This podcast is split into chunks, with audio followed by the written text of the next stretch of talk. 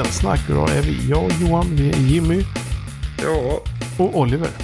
Jag är på bra humör idag. Jag tror att det här kommer bli ett bra avsnitt. det är trevligt att någon är glad. Brukar Ja. du inte vara bra med det? Eh, jo, men jag är, jag är bara, jag, jag är energisk idag. Jag känner att jag, En Jag extra har- bra dag idag. jag har faktiskt sett fram emot att podda idag. Oh. Jag vet inte varför. Jag har jobbat så jag är trött. Mm. Men det är Det- det är bra då, så att jäkla- vi, vi liksom kompenserar varandra. Alltså det är en jäkla skillnad att jobba mot höstkanten och komma hem när det är mörkt. Ja, För att ja. alltså, det är så stor skillnad. Alltså jag, alltså, jag slutade fem. Mm. Jag, har, jag har lång bit till jobbet så jag slutar fem så är jag hemma typ kvart i sju. Men Alltså vilken skillnad att gå hem och man var såhär, gud vad trött, varför är jag så trött för? Det, det här, jag, liksom, jag jobbar fem timmar idag, jag börjar tolv. så det, är liksom, det är inte så att jag har haft jättelångt arbetspass, eller att, i och för sig vi har haft rätt så mycket kunder idag, men ändå. Mycket tröttare när det är mörkare ute. Ja, men det, det, det blir det. Vi behöver solljus. Ja, sen sov vi rätt så dåligt de här dagarna också. För jag, jag drömde mitt i veckan att jag försov mig till jobbet. Och, Så att jag fan, vaknade typ så klockan ett på lördagen, alltså i min dröm och var så här, ingen har ringt och kollat vart jag är. Och jag var så här, och jag hade ingen tanke väl på att ringa jobbet så bara, "Eh, jag försov mig som ni kanske har märkt. Det var så här, bara, nej jag gör ett nytt försök imorgon. Försov mig den dagen också. Men som tur var det bara torsdag när jag drömde den natten. Det var, det var lite jobbigt. Det har hänt mig att jag, att jag drömt att jag försovit mig och vaknat i skräck precis en minut innan min väckarklocka ringer. Ja, men det är ett klassiker. Ja, det är sjukt. Hur det fungerar. Eller typ hur man alltid lyckas vakna på bussen precis på sin eh, hållplats. Jag vågar inte somna på bussar. Jag, jag somnar på bussar ibland och det är att jag, jag, jag har missat min hållplats en gång. Och det var på en buss som jag inte var van vid att åka. Det var när jag och Jenny precis hade börjat lära känna varandra eh, för typ 11 år sedan. Och det var en rutt som jag inte riktigt var van vid så att min kropp, antar jag, var inte bekant med rutten. Men var, alltså bussen mellan eh, typ stan och hem, jag, då missade jag ingenting. Jag vaknade alltid precis. Jag hade en klasskamrat eh, på högskolan som vaknade upp eh, strax innan Stockholm. Åkte tåg från Okej. Göteborg. Var Skulle- Skulle han till Stockholm eller var, Nej, jag vart, skulle, vart skulle skulle han? hoppa tag vid Skövde. Oj, ja det är en bra bit. Uppenbarligen inte Oliver. Så jag hade en kompis som vaknade upp i Stockholm så bara, jaha, Ja vad men då intressant får du Johan. fan säga. Vilken tid, vet du, att vi pratar inte alls om att försova sig på bussen. Jag, men jag hade en kompis som åkte tåg från Göteborg till Stockholm. Nej, Jaha, han sa att han vart kom från, han då? från högskolan i Skövde. Som vaknade upp precis innan Stockholm. Ja, men då hörde. Skövde som då råkar vara en ort som ligger i alla fall två och en halv timme bort. Ja, det är, inte- det är inte så långt från Göteborg. Nej, men från Stockholm. Eh, ja, ja. Eh, men eh, på tal om det, jag skulle till min morbror. Det var första gången jag skulle åka tåg helt själv. För en herrans massa år sedan. Eh, Oliver var 18. nej, jag kommer inte ihåg vilket år det var. Jag var yngre än 18, jag var Ja, äldre ja. än 14. Någonstans däremellan. Och, Hade du inte åkt tåg själv innan du var 14? Nej, I och för sig, jag är praktiskt taget klar mig själv större delen. att, jag menar, jag, jag har åkt buss själv en jävla massa gånger, men jag har aldrig haft, liksom, jag har aldrig behövt åka tåg själv förrän någonstans där jag kanske var fe- 15 eller 16. Och så skulle jag vid Skövde, där min morbror bodde. Han hade precis flyttat dit. ehm, med sin eh, ny... Han har precis gift sig med sin fru. Och eh, jag frågar, för att jag är nervös, jag är bara en ängslig person av naturen. Så jag frågar, för att det är mörkt ute också, jag frågar konduktören där. Eh, vilken, hur många hållplatser är det? Liksom, alltså hur många stopp gör vi eh, innan Skövde? Och han säger, ja men hoppa av på nästa bara. Så det är Skövde. Och det var inte Skövde. Det var Herrljunga. Så jag gick av. Och som sagt, det är mörkt så jag kan liksom inte se ut genom fönstret och se att okej, det här är uppenbarligen inte Skövde. Det finns inga skyltar eller någonting. Så jag går av i Herrljunga. Tåget åker iväg och jag inser att jag är fel. Så att jag ringer min morbror och bara, alltså jag hoppar av i Herrljunga. Hur långt mellan är det? Han bara, eh, Ja, det är inte direkt så att jag bara kan åka ner och hämta den med bilen. Eh, så jag ringer morsan och jag bara, "Äh, mamma, eh, jag har hoppat av fel. Och hon får panik. Vilket jag, jag trodde att om, om det här skulle hända mig någon gång så tänkte jag att jag kommer få panik. Liksom jag kommer bli helt stollig. Men jag höll mig ganska lugn. För, jag vet inte varför. Antar för att jag kände att okej, det, det, det gör ingen nytta för mig att, för att, att bli nervös och rädd nu. Utan jag bara håller mig lugn. Och hon bara "Ah, okej, okej, vad Så jag satt där på en typ en parkbänk i några timmar. Spelade DS. Och eh, efter ett tag så ringer hon och bara okej nu, har- nu har jag ringt Försvarsmakten och allting. Hon, hon, ja, hon ringde massa olika ställen och så fick hon med en gratis biljett så jag kunde hoppa på nästa tåg och så löste det sig. Ja. Rolig anekdot. Jag, jag fastnade i Herrljunga en gång eh, på vägen hem från en spelträff. Jaha, vart var spelträffen? Det var nog i Örebro den gången tror jag. Och skulle jag byta i Herrljunga och ett tåg hemåt. Så visade det sig att det var inställt. Herrljunga, så en jävla dödsfälla. Så fick man ju ringa till SJ och grejer och vi försöka boka ny biljett och det var ett jävla kaos. Men det löste sig. Ja.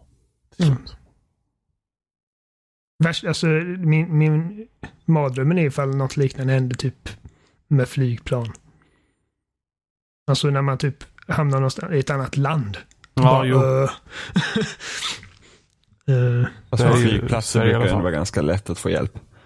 jo, men eh, jag kommer ihåg Aldin som har varit med på podden ett par gånger. Eh, när han skulle göra sin första spelresa för Game Reactor. Han var och spelade Gears of War 4 med Coalition i London. Och det gick åt helvete på vägen tillbaka. Eh, jag kommer inte ihåg exakt detaljen, men det var typ någonting med att fly, flygbiljetterna liksom messats upp eh, och eh, planet som man skulle gå på, var på går inte längre. Och det är liksom, okej, ja, jag står här och vet, vet liksom inte riktigt hur jag ska ta mig hem. För tanken var att han skulle åka dit på morgonen och komma hem på kvällen. Och han, eh, han har inget han har inget 3G heller på telefonen så han kan inte komma åt nya biljetter ifall han skulle behöva det förrän han är på flygplatsen med gratis wifi och taxin typ hamnade i en jävla trafikstockning på vägen dit. Han, han hamnade på helt fel terminal så han fick springa och det var liksom en sekund så han kom med flyget och sen så var det liksom precis att han inte missade tåget från flygplatsen till där han bodde. Alltså, ja. Det är min mardröm alltså. Fy fan. Orka. Ja, min mardröm är att planet kraschar men alltså. Den, den milda mardrömmen. Mm. Jag gillar verkligen liknelsen att åh nej jag missar mitt tåg, nej jag dör. Varje gång jag sätter mig på plan så är jag övertygad om att det här är gången som det finns en bra möjlighet till att planet kraschar och jag sätter en ny president över liksom flygsäkerhet och jag dör. Varenda gång. Ja, jag brukar inte tänka så mycket för det är så här, att ja, om något händer så kan jag ändå inte göra något åt det. Ja, men, nej, men det är just det att man känner sig hjälplös. Ja, men det är liksom, jag är med så äh, händer det någonting, ja då händer det. Liksom. Det, det är ingen idé att oroa mig för, för det ligger liksom inte i min makt att kunna göra någonting åt det. Jag är... Ja, jag funkar inte så. Jag, jag tänker alltid, vad är det värsta som kan hända just nu? Och, inte så mycket nu längre. Men alltså när jag, när jag var som mest av ett nervöst vrak för typ ett år sedan ungefär. Alltså varje gång jag var på en offentlig plats. Så tänkte jag hela tiden, vad, vad kan hända nu? Uh, typ som när jag var på en ståupp Eh, komikershow på Skandinavium. Jag bara, vad gör jag nu ifall det kommer in någon och börjar skjuta med en AK47? Vart är liksom snabbaste flyktväg? Även när jag satt på restauranger. Eller gick på bio på premiär. Jag bara, det kommer bli Aurora all over again. Som var jag. Och i ett plan har jag inga flyktvägar. Det blir knepigt. Men jag mår bättre nu. Jag är inte lika mycket av ett liksom paranoia-vrak. Det är rätt skönt faktiskt. Mm, många saker brukar också lösa sig. Ändå. Och skit i vasken. Ja. Men jag och Johan, vi har gjort något som du gjorde förra veckan Oliver. Vi Mm. har spelat Forza Horizon 4. Ja. Visst var det bra? Jag, ja, alltså jag, jag är ändå glad över hur, hur mycket jag gillar kartan ändå. Jag Mm. tycker att eh, Storbritannien är faktiskt riktigt nice att köra runt Ja. i och det finns mycket, mycket grusvägar vilket jag älskar. För det är typ, Ja, hur mycket som helst. när jag spelade, när jag spelade Forza Horizon 1 demot för länge sedan på Xbox 360 när det kom ut så var det just när man kom ut på grusvägen jag var såhär, ah det här spelet måste jag ha. För att det, är liksom så här, det kändes bara så jäkla nice att byta från asfalt till grusväg och liksom känna att man har liksom att bilen sitter ändå löst på vägen men man kan ändå ha någon form av kontroll på det. Jag älskar verkligen att köra på grusvägar i Forza Horizon. Men Mm. jag har samma problem med Forza Horizon 4 som jag hade med Forza Horizon 3. Det är för öppet. Spelet vill liksom inte riktigt styra dig någonting utan du är lite så här, gör vad du tycker är kul. Och för mig är liksom, något som jag älskar i bilspel det är när, spelet liksom pushar mig för att jag måste göra saker som jag normalt inte sett brukar göra. Och jag är sån, jag funkar så här. Jag hittar den bilen jag tycker om och så kör jag med den bilen så länge jag kan. Eller Ja, typ när, du jag när jag spelar liksom ett, jag menar så här, varför ska jag byta bil? Den här funkar. Och vad ska jag byta till bil? Jag har ingen aning. Jag är inte intresserad av men du- bilar men du- överhuvudtaget. men som kan kör köra samma- Titanfall och aldrig har bytt från eh, den här vanliga assault riflen man Nej, börjar jag med. vet. Jag vet. För att den fungerar så Du, du, himla du, bra. Du, du snöar in dig på en grej och Ja, men- liksom du, Men du, du kan kör du kan inte köra alla race med samma bil. Nästan all... Nej men alltså det- jag har inte behövt köpa en enda ny bil. Jag har kunnat köra med de tre bilarna man får välja. Från Ja, första början. ja. Så jag har min Subaru, jag har min Audi, jag har min... Eh, eh, vad heter den då? Outback. Eller något sånt där. En jävla stor ful jävla bil. Så att jag har inte behövt köpa någon ny bil. Det, utan det, och sen Subarun har jag ju kunnat använda till alla dirt races. Den kan jag även använda till street racerna och den har jag också kunnat använda till drag racen. Det funkar rätt Jag bra cross country också kan jag tänka mig. Ja, den är lite låg. Okej. Eh, så, så det var så här att jag tänkte när jag kör till ett dragrace, men nu måste jag köpa en ny bil. Det är fucking dragrace. Inte kan jag köra med liksom Subaru. Eller, Subaru är ju rätt så snabb. Men jag tänkte att nu vill den säkert att jag ska köra med någon mer liksom sportigare bil. Nej, det gick utmärkt att köra med Subaru. Så att, Men grejen är att alltså drag race, eh, är det de bara raksträckan eller Ja. snackar vi? ja. det är raksträckan ja. För jag tror att ifall du går in i det eventet med, en- med en Subaru så kommer inte spelet sätta upp dig mot McLaren Nej, P1s. Liksom. förstår du nu mitt problem med spelet? Du, du, Den tvingar mig inte till att ändra bilen. Den, tvingar, den, den liksom tvingar mig inte ens att byta klass. Jag kunde köra min Subaru varenda dirt race. Det är liksom inget, du arbetar liksom inte upp mot ditt mål och det vill jag ha i ett racingspel. Jag vill verkligen ha så att, nej men nu kör vi C-bilarna till exempel. Så nu, nu måste du ha en C-bil, nu kör vi A-bilarna, nu måste du ha det. Nu- För att ända sedan Horizon 3 så har det varit mycket så att gör lite som du känner för. Och då är det så här, kör du en S1-bil, ja då kommer alla ha S1-bilar så då kan du köra med den här S1-bilen så det spelar ingen roll. Det tycker där får jag är man tänka på det avsnittet av Mark Brown som vi har nämnt förut på, eh, på podden. Han har en YouTube-kanal som heter Game Makers Toolkit som handlar om speldesign. Alla borde kolla det. Eh, och han har ett avsnitt som heter Hur utvecklare skyddar spelare från sig själva. Och eh, kontentan är att alla spelare kommer spela på det mest säkra och eh, alltså lättaste sättet. Även om det gör spelet tråkigare. I, eh, i, in, inte alltid. Även om jag tror att många gör det. Men, men hade jag varit intresserad av bilar på ett helt annat sätt, då hade jag säkert stannat ut. För då hade kanske, oh, jag vill köra den här bilen. Eller jag vill köra den här bilen. För man ser ju hur de, typ Turn 10 pratar om när de visar upp Forza Motorsport på E3. De kör upp någon bil där och sen bara, åh titta här, nu kan du öppna och se bilen i spelet. Bara typ nästan känna lädret och man var såhär, bara, nej det kan man inte. Det är liksom en bil. Det är så jävla tråkigt. när man liksom. hade kunnat det så hade inte du brytt dig. Nej precis, jag hade inte brytt mig. Nej. Men det är typ, så tänker man typ gamla så här Need for Speed, typ Need for Speed Underground och Need for Speed Underground 2. Då var det så att då, då fick du börja med en jävla risig bil för tanken var att du skulle klättra liksom i, i, i street racing scenen och då, och när ju mer race du vinner, ju mer pengar får du, ju mer, eller ju bättre bilar kan du köpa. Men här, behöv, här behövs inte det liksom. Det, Nej, typ, och, men då, och sen kastar de typ bilar på en också. Ja, eller hur? De här jäkla... eh, De här roulette-grejerna. Alltså jag har, jag har 73 bilar i mitt garage. Jag kör en. Det Jag vet inte ens varför jag ska byta eller vilken jag ska byta till. Det är liksom bara, jag har, vill jag köra en B-bil? Jag vet inte. Det- Liksom, det är för- lite- Det där alltså- problemet har inte jag. Ursäkta Johan, säg du. Jag pratar för mycket. Nej, men eh, jag, och Robin har haft så här spännande projekt och vi typ så här, hittar typ så här konstiga bilar och försöker trimma dem så mycket som möjligt och sen försöker tuna dem så mycket som möjligt. Eh, så vi har, vi har kört någon Volvo, vi har kört någon bubbla och så senast så har vi kört en... Vad var det? Det var en Nissan Skyline från 1971 eller någonting. som vi lyckades pusha upp till nästan 400 km i timmen. Eh, och så när man har liksom ett sånt intresse så här och vill typ experimentera och, och testa och flumma liksom så, så blir det ju annorlunda. Uh, Ja, för, för mig är det totalt ointressant för jag vill tävla. Det där problemet har inte jag för att jag gillar att byta. Jag, jag kör inte en bil i mer än... Okej, nu har jag ingen timeframe att erbjuda, men poängen är att jag, jag har liksom en ganska vid eh, repertoar av bilar som jag återkommer till. Nu, nu är det inte så att jag har testat alla liksom hundra bilar jag äger, men alltså jag gillar att testa nya saker. Jag gillar att när jag hittat en barnfind testa bilen. Eller när jag liksom vunnit en bil på en eh, eh, sån, eh, vad heter det? Jag ville säga loot roll, men de heter wheelspin precis. Eh, så vill jag, ifall jag tycker den ser intressant ut, så vill jag hoppa in i den och testa. Så jag, jag har liksom, Men hur Jag har ser gott en bil bilar. in, hur ser bilen intressant ut? Vad är det som gör att bilen ser intressant ut? Men eh, ifall det är en Forza Edition exempelvis så vet man att okej, det där är speciell. Eh, om det är en legendarisk, eller man ser också på liksom rarity-gruppen. Och om jag tycker den är snygg eller om den ser snabb ut. Man, man ser ifall en bil ser snabb ut, förstår du vad jag menar? Eh, precis som Nu, man, om jag tycker intresset att man är att kan... bara köra snabba bilar. Eh, Och så precis på samma sätt som jag som det, det går att identifiera bilar som ser ut att göra sig bra i offroad racing också. Eh, och, men, men jag förstår om du har det här problemet för att du och jag är väldigt olika på det sättet. För att om vi spelar typ Rainbow Six så nio av tio matcher väljer du antingen Dokaibi eller Frost för att det är dina karaktärer. Ja. Medan jag, jag kör nästan en ny operator varenda runda. Jag håller, mig, jag håller mig sällan inom en operator ens på en match. Liksom.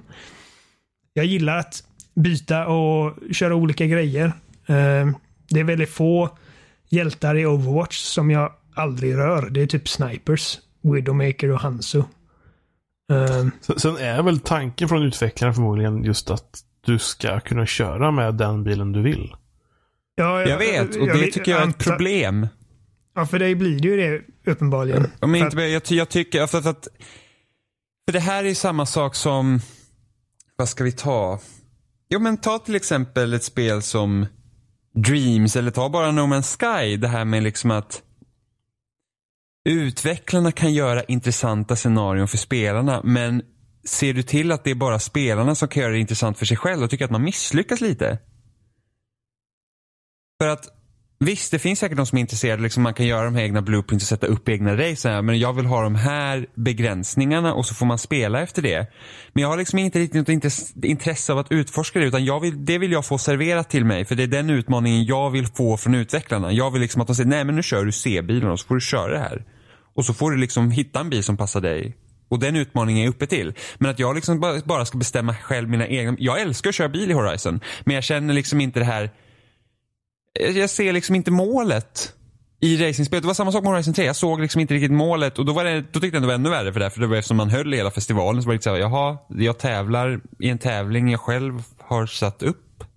Och här är det ju lite annorlunda. Här är det typ att man, man liksom kör på och, liksom och, och sådär. Men Målet är ju bara att köra.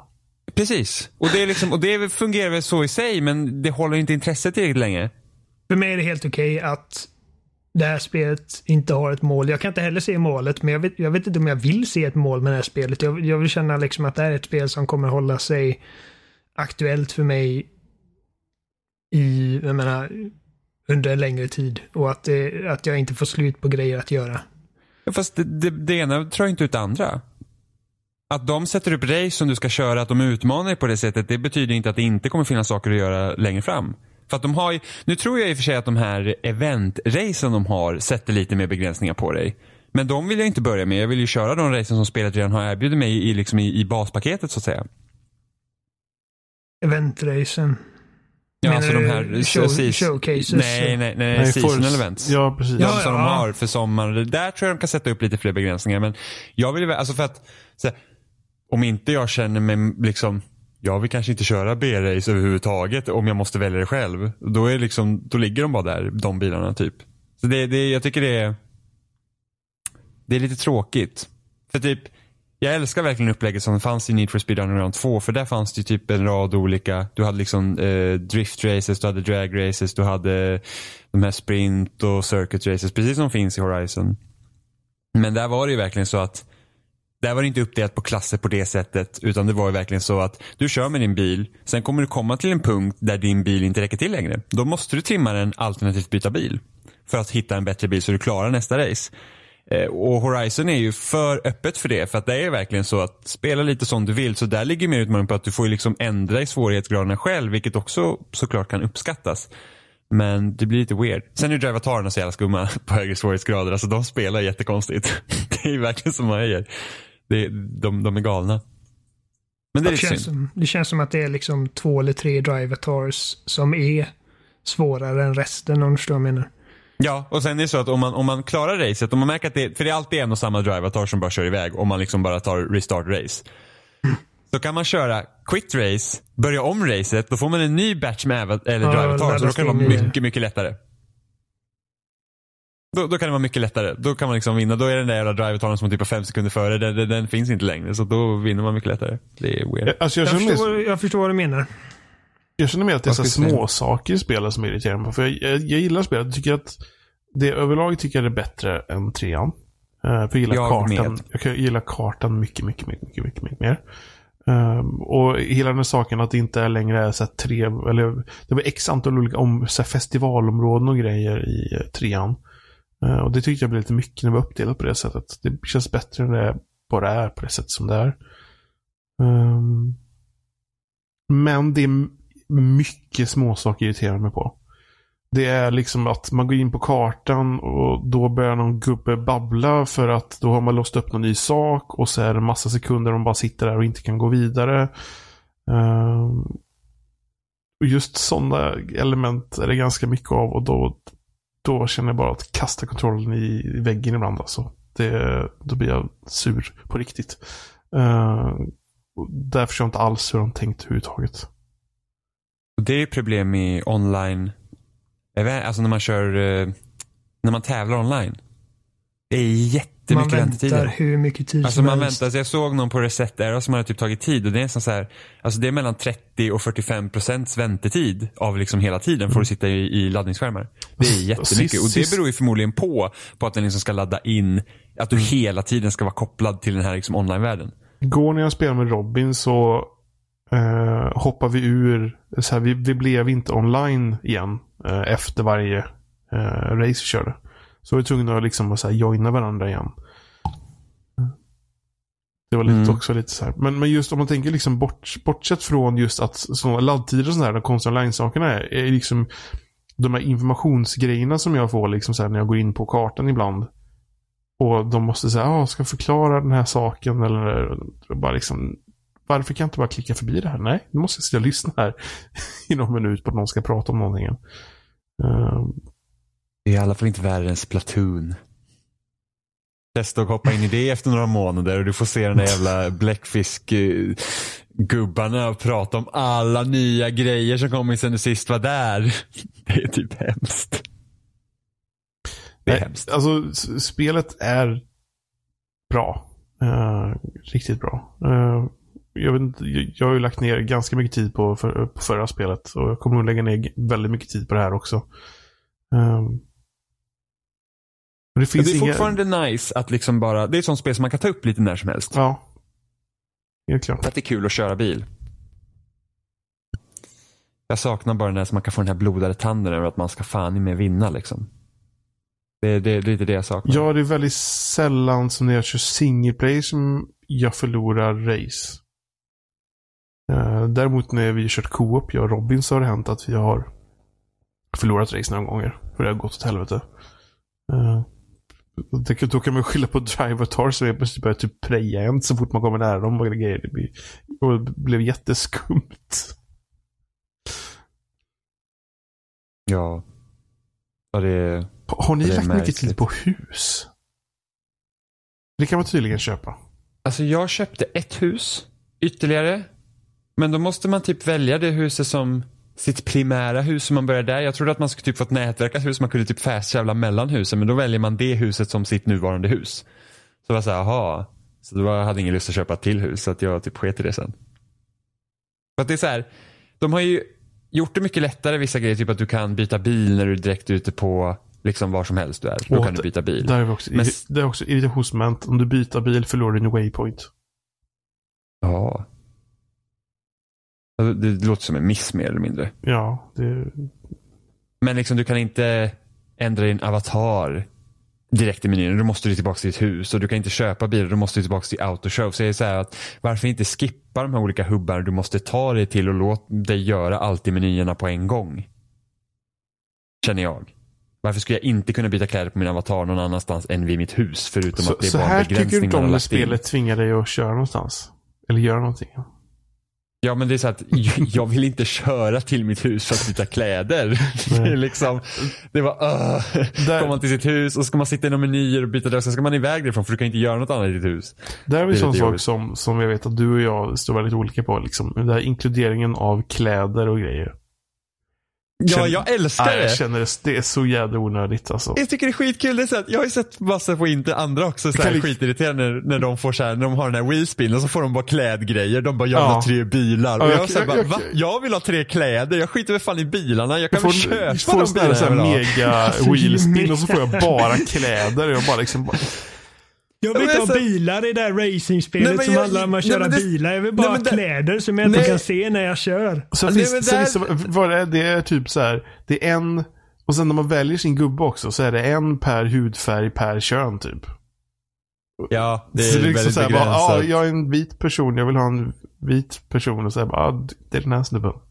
Ja, men jag känner att så här, spelet bara strösslar ju bilar över en med det här jävla wheelspin-systemet. Jag Ja, blir jag, får, tokig. jag får Jag bara, mer jag vill- kläder och dansar och skit liksom. Jag Jag får- gillar att få kläder och dans, eh, emotes och bilar. Jag gillar inte att få tutor för jag använder inga av dem. Nej, jag Nej, få det, jag har aldrig varit förtjust i de här tutorna och som, alltså det, det är verkligen så här dålig smak TM när man har typ en så här tuta som gör någon ljud från sig. Alltså jag känner typ det är så här Leffe 65, du vet har, har sån här liksom här för liten skinnväst och en t-shirt som bara täcker halva jag, magen. nu känner jag att jag måste sätta på den mest irriterande tutan jag kan hitta och joina Ah. Jimmys värld så fort som möjligt. Johan blir Leffe 65 och så här typ, ja men så här riktigt så här bilmekaniker. Jag kör ju redan min fordonsprogram 240. på gymnasiet. Ja, precis. Snus uppe i käften och bara. Jag gillar bilar. Vilket klasshat du har Jimmy. ja, jag läser ju på universitetet så att då blir man ju såhär, jag är med i elit nu. Du är bättre än alla andra nu. Absolut. så att det, nej. Det är, det är inte, men alltså vad är det med folk när de gör typ skins till sina bilar? Att det ska typ bara vara massa reklampelare? Jag vet det är Monster. Coca-Cola. Ja men alltså vad fan? Det är tråkigt ja. Ja men det är verkligen som man säger bara, nu vill jag ha snyggt skin till min bil. Och så man bara, ah, gör reklam för Coca-Cola i det här spelet. Man bara, men. Och sen typ så här, här har jag gjort monsterreklam på min bil. Och så såklart sitter jag på Xbox, jag har Xbox-loggan där också för att kapitalism is the king of shit. Alltså jag, jag, ska, Jag- göra, jag jag, ska göra ett skin till min bil där det står content is king och sen ska jag sätta in så många jävla loggor på den hela bilen. Det är bara äckligt. Ja, så det är svårt att hitta. Jag brukar ofta bara enfärgade bilar nästan alltid. Jag väljer alltid någon av manufacture-färgerna.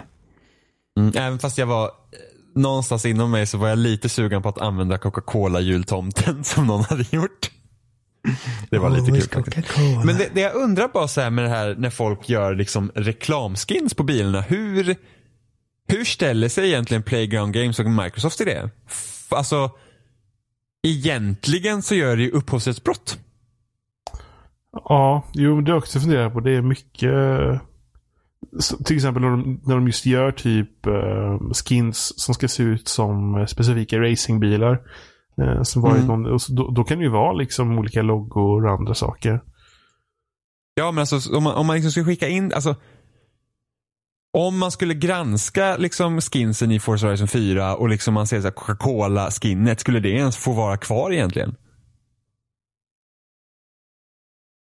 Jag antar att det blir en sån nivå så att varumärken inte bryr sig för det blir en sorts reklam.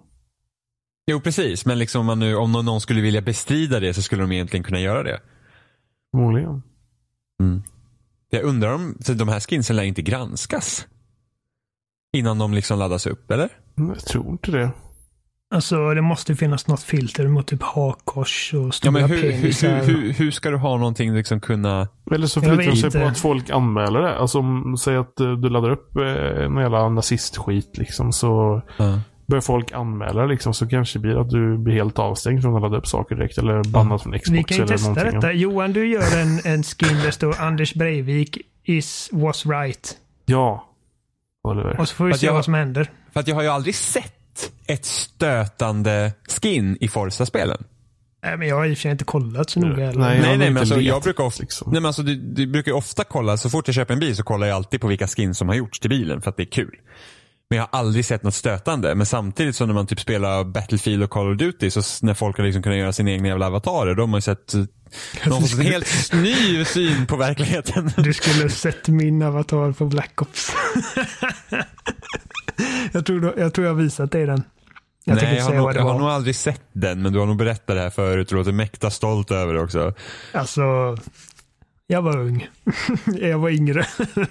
Yngre var rätt ord. Var vilket 20. Black, vilket Black 20. Ops var det Oliver? Första kom 2010. Så att jag var 20. Vad länge sedan alltså. Och eftersom att jag sitter här och skrattar så tycker jag fortfarande att det är roligt. Men jag hade, jag hade inte gjort ett, ett sånt emblem idag, så det är något som är säkert. Ja. ja, fast vem är oskyldig? Jag gjorde fan en tutt-tröja i Animal Crossing så När då? Det här var 2000, New Leaf 2013. Mm. Fast det var ju liksom inte, det var en urringning så det var ju liksom inte, en, men det såg ut så att alla hade jättedjup urringning för att den där jävla tröjan blev på modet i min stad. Och sen så fort jag Oj. besökte någon annan stad så gick jag och smög in den här tröjan. Mm. Ja, Fan, nej, the ja, det, det var inte tuttar på min, det var... Du Nej, ska ju jag inte säga vad det jag var för Jag någonting. vågar inte säga. Vi, vi, Jag vi, jag tror nästan alla kan gissa ut vad det är för någonting. Okej, gissa. Nej men jag tänker inte säga det. Det- lämnar till eh, lyssnarnas eh, fantasi. Skicka in ett mail och säg vad ni trodde att det var för någonting. Ska vi se hur vilt det kan bli. ja, det hade varit asroligt. Ja. Ja, nej men Forza Horizon, det är fortfarande kul att köra bil. Så är det. Men jag hade fortfarande velat haft ett större driv i det. Pusha mer på att liksom tävla och testa Sätta mer begränsningar. begränsningar. Nej men inte bara sätta mer begränsningar, push, pusha spelaren istället för att låta dig lite göra vad du vill. Utan pusha. Till att eh, liksom att nej men de här racen kör vi så här och sen eh, vi arbetar upp. För att det hade ju varit ypperligt att göra det egentligen. Nej, men typ, jag har ju kört typ nästan klart hela Dirt Racing-serien och så att man börjar med de sämre bilarna och sen får du sen liksom de sista racen då får du ha en snabbare bil så får du lära dig hantera grusvägen på det sättet. Men jag körde där min Subaru Impresa genom hela alltet. Ja, Ja men Oliver, du har spelat Assassin's Creed. det har du också. Nej du. Jag lovar mig själv dyrt och spelat- heligt att jag inte skulle spela Assassin's Creed i år. Uh, ja, nej, jag har ändå satt det där på releasedagen. Precis som Det är jag. faktiskt första gången jag har köpt ett Assassin's Creed-spel på releasedagen sen trean. Oj, oj, oj. Nej. Inte ens fyran. Jo, nej. Köpte jag fyran på release? Nej, jo, nej, fan. Jag jo, tror du köpte fy- fyran på Fyran köpte jag på release på 360. Det Ja. var mitt, typ ett av de sista 360-spelen jag köpte. Där ser man Ja. vilken, eh, vilken X-bot han är. Han har en PS4 och kan spela med HD och grejer. Men Och så jag ser han på Alla, 360. vadå, alla Assassin's Creed-spel på 360, inte fan tänker jag köpa nästa Jag spel på med, PS4. fram till den punkten. Ja, men Och du verkar inte jag- bry dig. Och sen hade jag Black Flag eh, och sen det nästa och sen nästa fram till Origins på PS4 och nu har jag Odyssey på Xbox för att nu har jag Xbox One X. Och titta, jag, Eh. jag då som var, hade väldigt god framförhållning såg ju till att hålla mitt bibliotek på en konsol för jag visste ju någonstans innan mig att det skulle komma en riktig värsting Xbox. Undrar om inte typ eh, med de här äldre Assassin's Creed-spelen fortfarande är bättre på PS4. Om de inte Ingen har fått aning. X-patchar. Jag bryr mig ärligt talat inte. Nej, eh, det är skitsamma. Vi har båda spelat. Jag har spelat mer än det. Du har spelat typ sex timmar sa du? Ja, ehm, Vi kan Jag höra kan- vad du säger först. ja jag, jag kan egentligen börja för att Alltså det här spelet har fått väldigt bra betyg. Alltså liksom så bra betyg så att jag liksom så här ifrågasätter verkligen uh, hur folk tänker. Du vet, liksom det blir så här. Först var det så här, ah, är det så bra egentligen? Ja men det ska bli kul att testa. Och sen man spelar, alltså de inledande timmarna var verkligen så här att Nej, jag ser inte riktigt vad det är som är så fantastiskt med det här spelet. För att det är så här att första timmen så var det så att ah, nu har jag gjort precis det som jag verkligen blev urless på i Assassin's Creed Odyssey. Eller Assassin's Creed Origins. Jag har gått och undersökt saker och plockat upp saker och jag har slagits mot de här och bara så här. Mm, jag vet inte om jag är så förtjust du vet. Och sen igår kväll när jag satt och spelade så var det nästan som att något som lossnade. För då började jag komma in i det lite mer. Liksom att spelet började liksom ta någon form av riktning. Så jag kände liksom att ja, det är rätt så kul. Sen får jag se om jag tycker att det är lika kul om tio timmar. Och liksom om man börjar känna liksom att, att precis som i Origins att det liksom börjar skava och man måste säga att äh, nu har jag bara gjort samma saker hela tiden. Men de är, på något sätt har de ändå gått liksom mot rätt väg. Att de har ju ett exploration mode i det här spelet mot tidigare Assassin's Creed. Att det är att de markerar inte ut allt på kartan om du kör på eh, exploration mode. Du får liksom mer lyssna på vad folk säger och kunna hitta din väg dit själv. I alla fall tanken. Sen har man ju den här jävla örnen som förstör allting ändå. Så det är typ så här. Du kan få ett uppdrag och så står det så här, ja ah, men typ i det här området till väst ska det finnas någonting. Och då tänker man, åh fan vad nice. Då, då, då liksom kollar man på kartan och så bara, ja men där kanske, så går man dit. Och när du typ hamnar 300 meter från objektivet, då bara, ta fram din örn så pekar vi ut exakt var objektivet är. Det tycker jag tar ifrån det lite. Varför inte låta mig liksom, faktiskt när jag kommer till stället att spelet säga åt mig, nu är du framme. För att det, liksom, det tar lite bort grejen med att jag ska få utforska det själv, eller hitta det här själv som jag bara fått några riktlinjer jag ska gå till. Vilket är lite trist. Faktiskt. Jag vill bara poängtera att eh, Odyssey hade 2 högre snitt än Origins på Metacritic. Ja, Origins var inte så bra alltså. Origins fick 85 och detta fick 87. Ja, okej. Okay. Ja, men det, det låg högre när jag bestämde mig för att köpa det. Uh, men ja, alltså jo men det, det, det, har fått bra kritik och jag, uh, jag tror jag, jag har inte läst många recensioner. Jag, jag såg IGNs video och sa typ att det är det bästa Assassin's Creed-spelet i serien.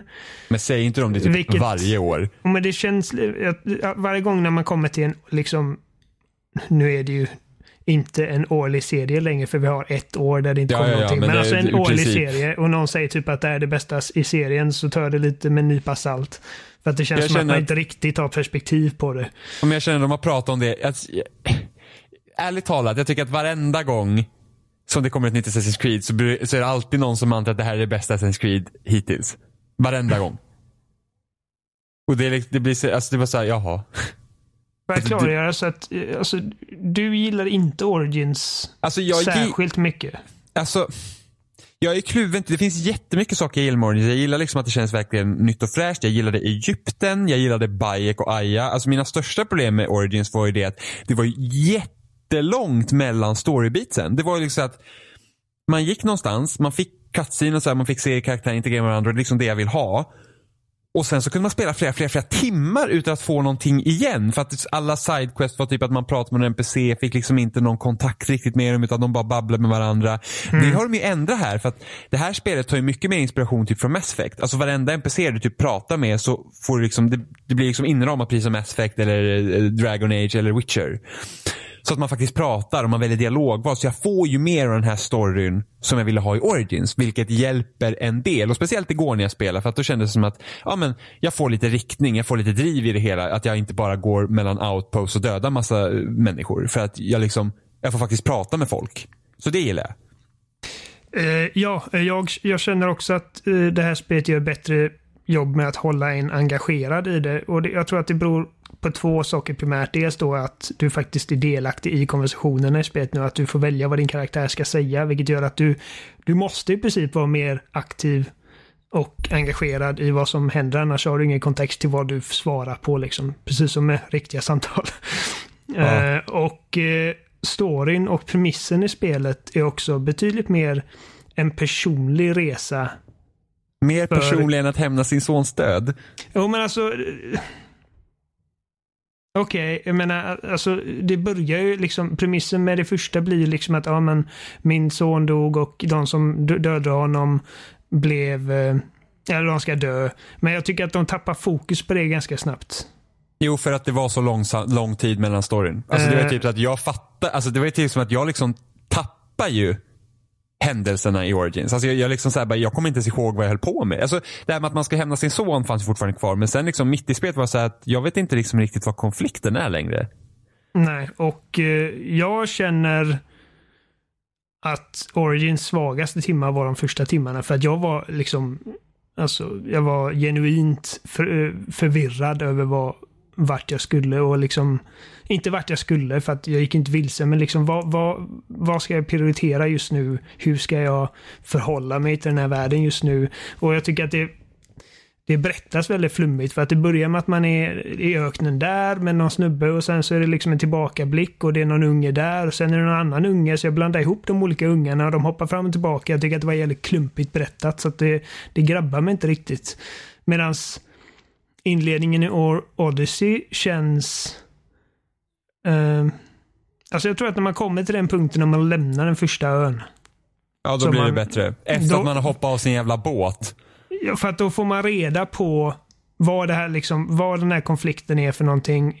Varför är detta viktigt för karaktären? Och det handlar inte nödvändigtvis om att åh, någon jävel dödade min familjemedlem eller någonting, utan det, det är liksom jag var, jag var genuint uh, intrigued när, när man fick reda på liksom Premissen är att du ska, du ska iväg och ha ihjäl någon och du får reda på lite grejer om den här personen och det Uh, mer än så vill jag inte säga. Uh, men det... Fast, då, fast det, det, det, kan man, alltså, det kan man ju säga, det är så tidigt i spelet, det är ingen spoiler. Det är vad spelet handlar om. Ja, men jag hade ingen aning om det och jag tyckte det liksom, okej, okay, oj, det var spännande. Så Aha, okay. jag, jag, vill inte ja. att... Det är väl inte jättestor spoiler, men ja. som sagt, jag, jag nej, visste nej, nej, inte. men då så. Då så. Uh, och då kände jag, okej, okay, men det, det här är det här är spännande. Nu är, jag, nu är jag investerad. Också för att man liksom fick tillbringa lite mer med den här, med huvudkaraktären. Som liksom som person innan hon fick det här drivet.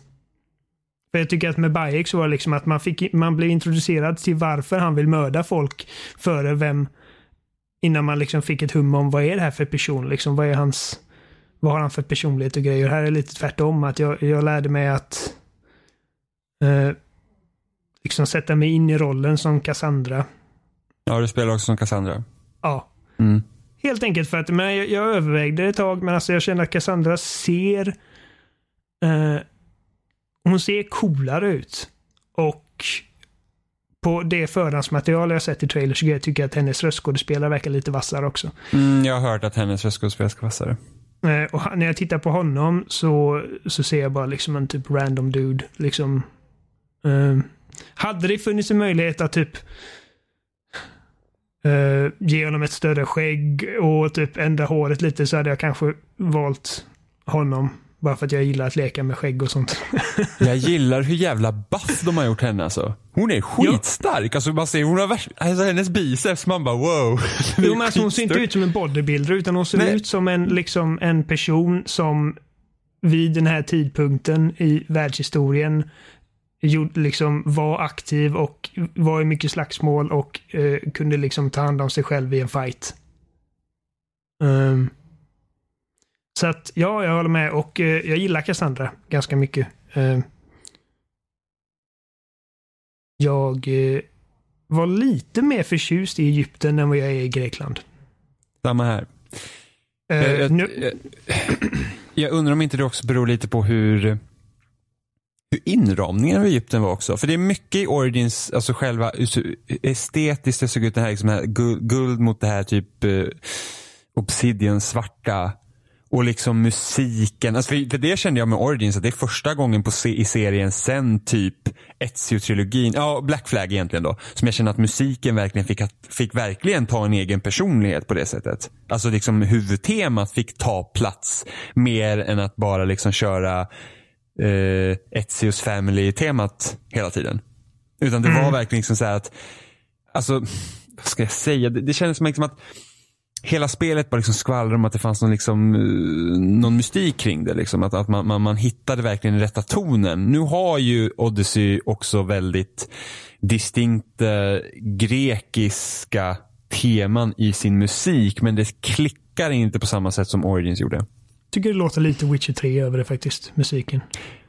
Det tycker uh, inte jag. Mest för att det är liksom mycket den här typ uh, jag vet inte, det är någon, någon, typ av liksom typ folklig sång de använder ofta.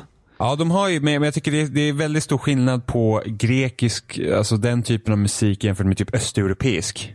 Jag vet, men jag tycker att det låter mer östeurope östeuropeiskt än grekiskt i det här fallet. Men Ja, jag jag, alltså, jag, jag kan inte mycket om sånt här, så det är bara min första, det är bara mitt första intryck. Det senaste Assassin's Creed-spelet där jag liksom har reflekterat över musiken är Black Flag.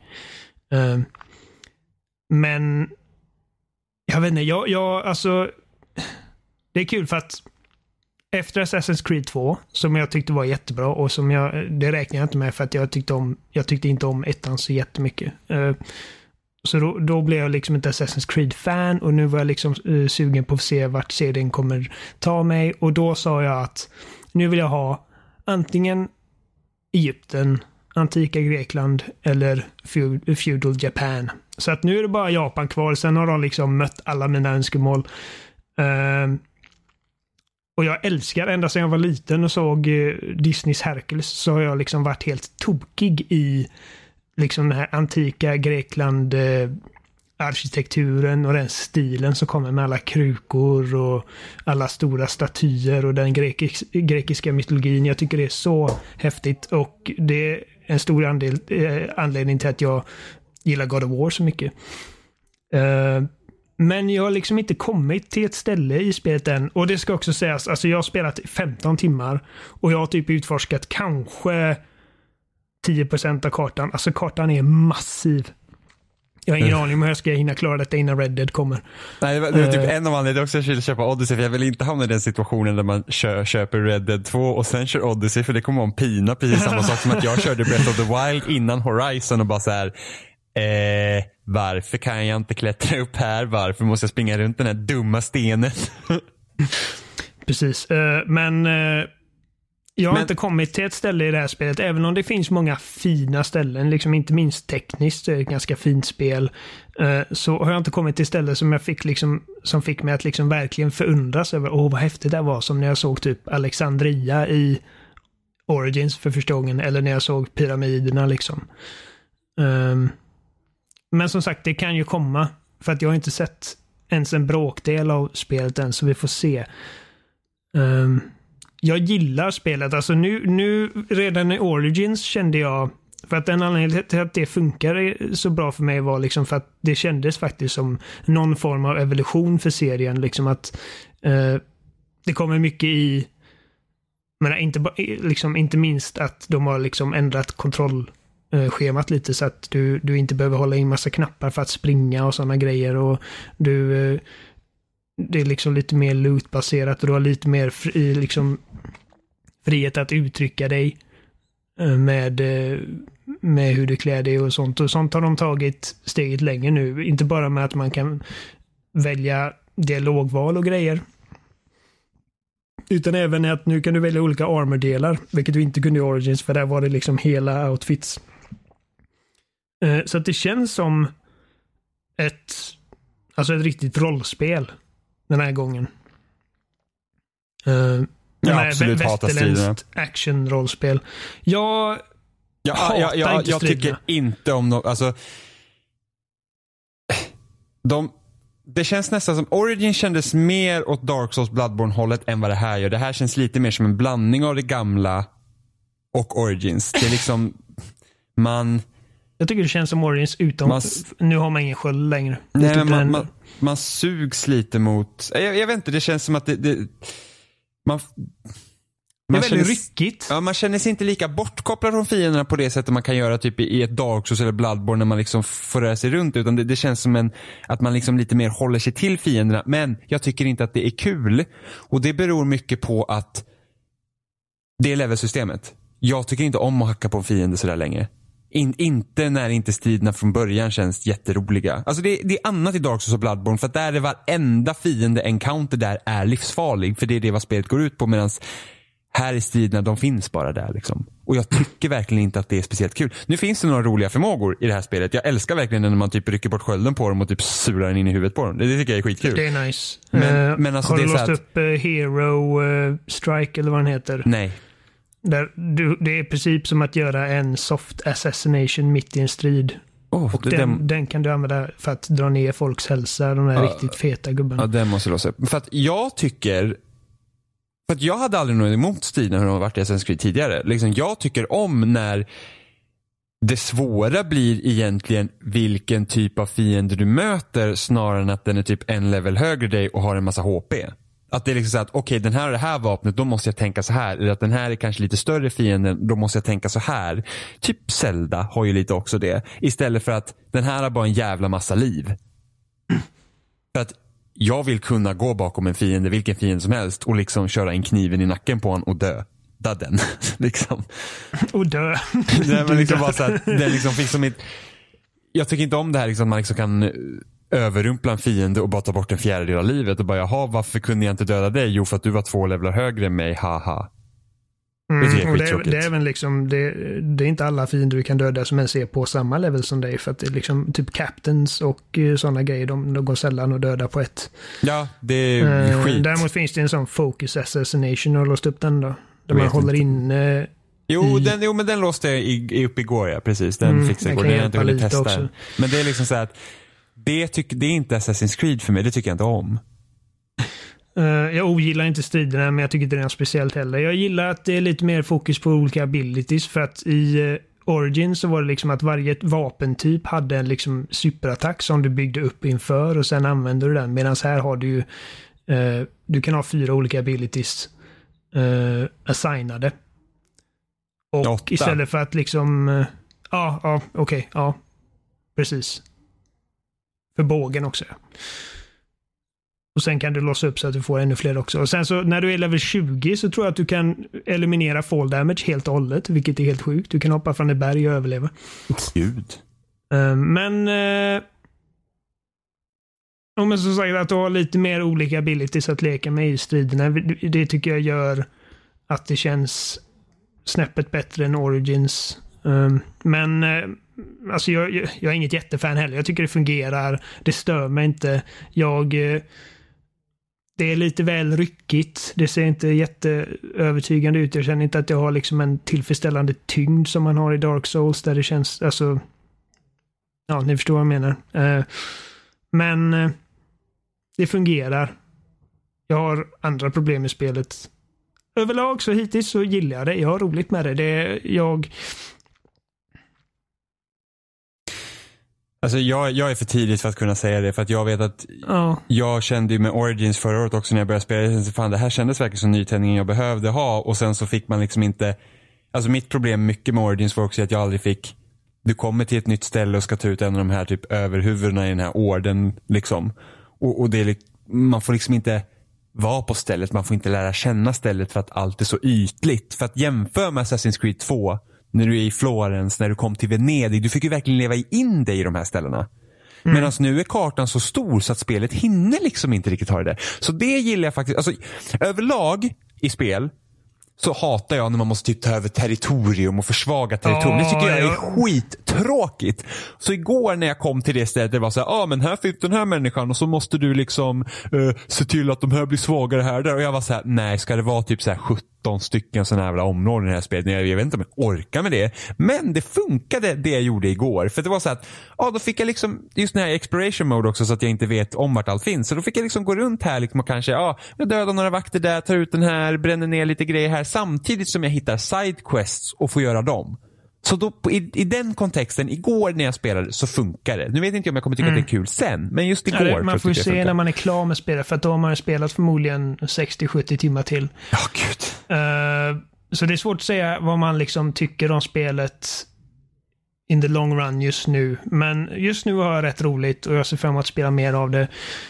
Uh, men jag har några andra grejer som jag ville ta upp med spel. Alltså jag känner, det märks att det är liksom Ubisoft med team på typ 13 olika studios som gör de här spelen på rekordtid för att det är liksom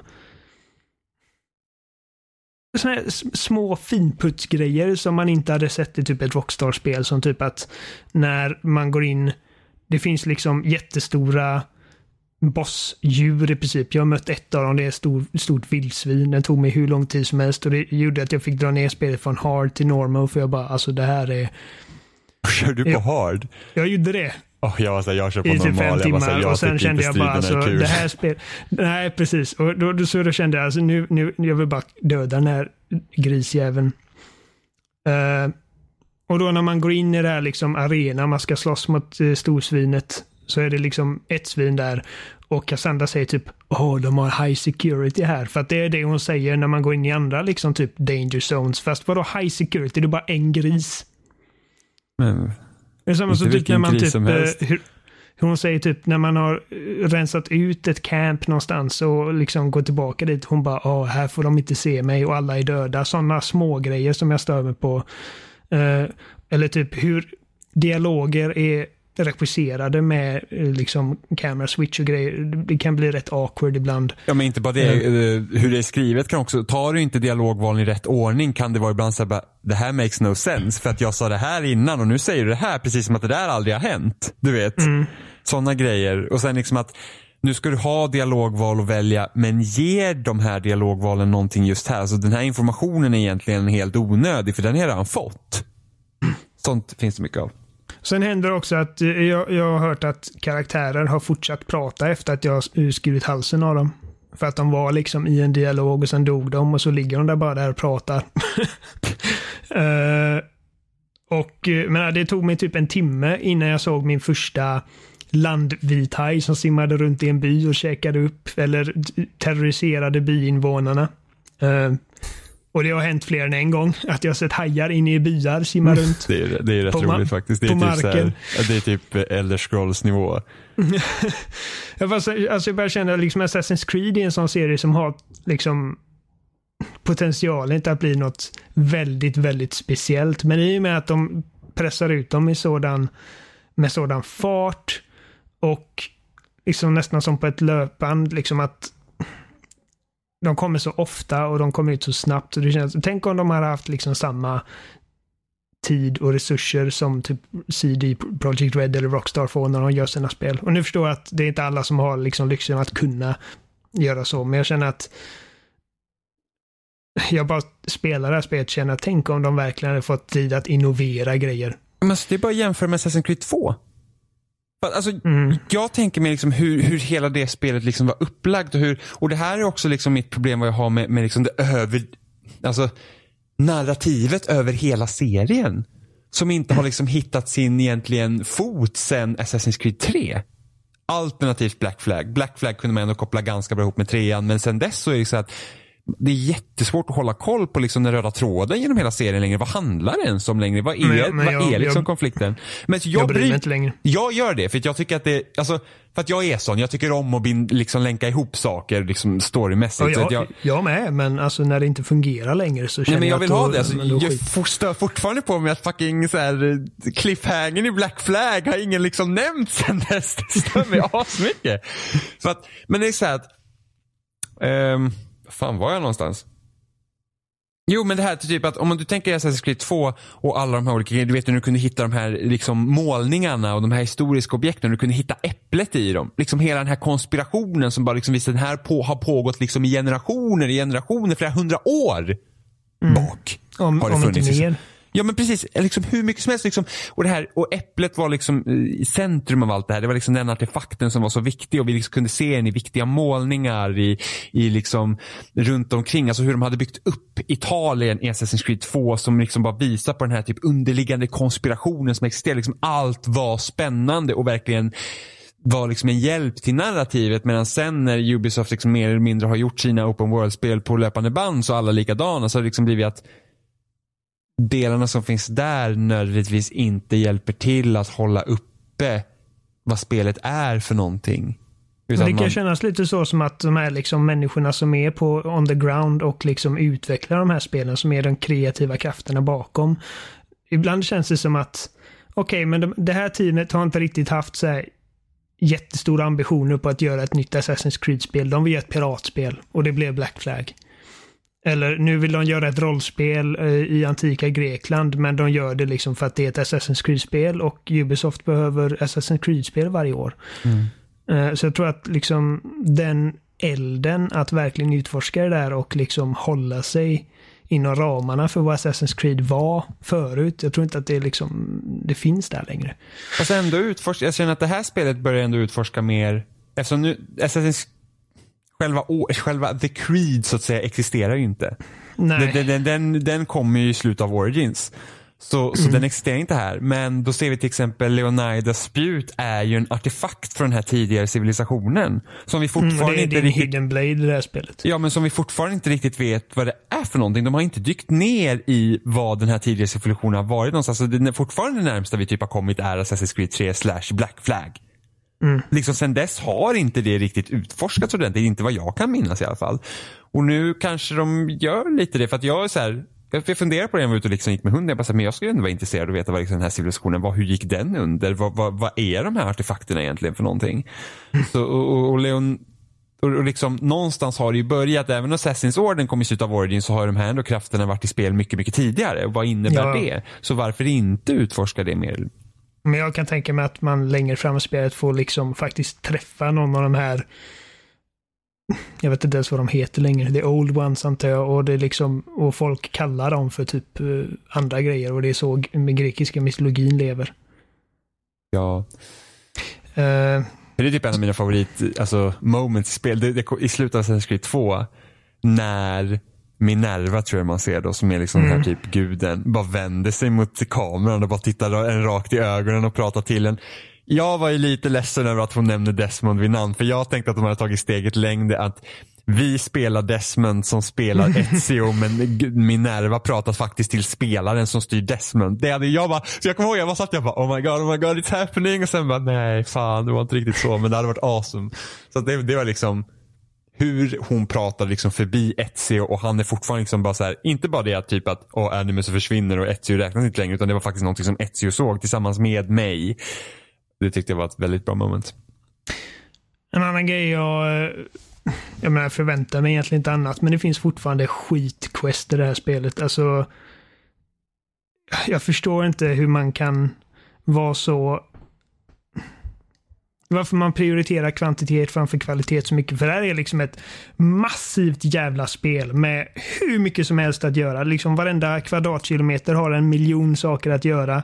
Och det kanske är tre eller fyra av dem som faktiskt känns som att det har någon sorts värde för dig. Annat än att okej, du får XP och pengar för varje grej du gör i princip. Men alltså, jag tar typ i Witcher 3 så var det sällan du fick sådana uppdrag som handlar om att typ, ja men kan du gå in här och hämta min stekpanna? Men, och, och att det fortsätter som det, att du går in, hämtar stekpannan och kommer ut. Utan du får reda på någonting medan du hämtar den här stekpannan som sen, det blir liksom en twist på det. Och du tänker, okej här har det hänt någonting. Det här är liksom inte bara längre en stekpanneuppdrag utan det är något mer i det, vilket gör att även den sortens quest känns meningsfull. Och det händer inte här riktigt. Och det är liksom att någon snubbe säger åt dig att uh, skulle du kunna jag kan inte lämna huset. Jag, jag måste leverera den här olivkvisten till eh, en snubbe eh, där borta. Och ifall inte han får den snart så kommer inte han kunna göra sin eh, ritual och då kommer eh, gudarna bli arga på oss. Och det är alltså en snubbe som står 150 meter bort. Och jag ger honom den här kvisten han bara tack, här har du dina pengar och så är det över. Jag bara, vem, vem designar de här questen? Hur, hur kan man göra detta, det här questet som liksom en spelutvecklare som mest troligt också är liksom någon som gillar att spela spel och känner att ja men det här lägger vi in i vårt spel. Hur händer det? Jag fattar inte. Därför att jag hade ju, jag gjorde ju, det här har säkert du också gjort. Hon, och, 150 meter! och Dessas quest.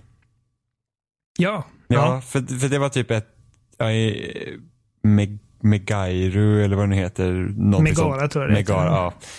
Så där, där var det liksom så här, och då, då fick jag fortfarande göra det här tråkiga som är så här, investigate, man går och tittar på fem olika saker. Alltså du går egentligen bara till stället, trycker på en knapp och sen är det klart, det är ju så himla tråkigt egentligen. Mm. Men då fick jag i alla fall lite bättre kontext liksom till uppdraget så att då kändes det mer meningsfullt.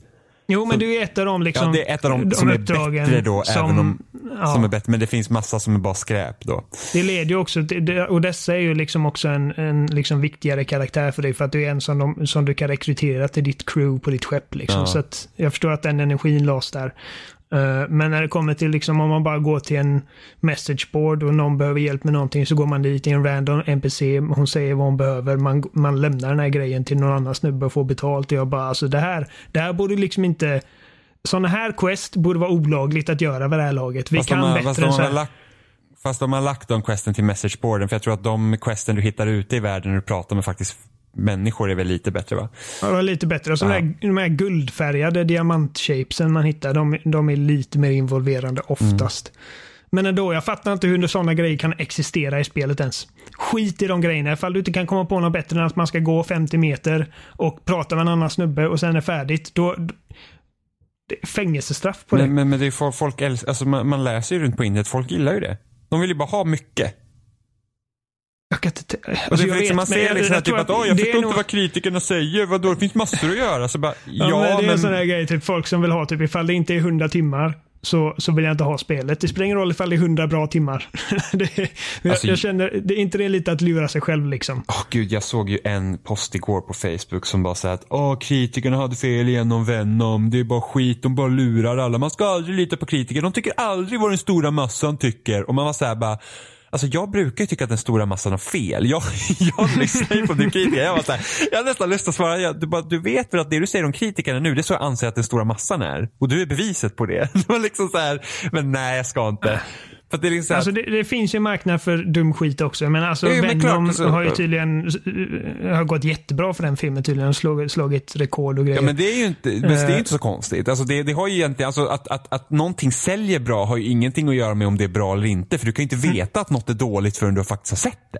Nej, jag eller- vet, men det, det liksom skickar också ett meddelande till de som producerar de här grejerna. Liksom.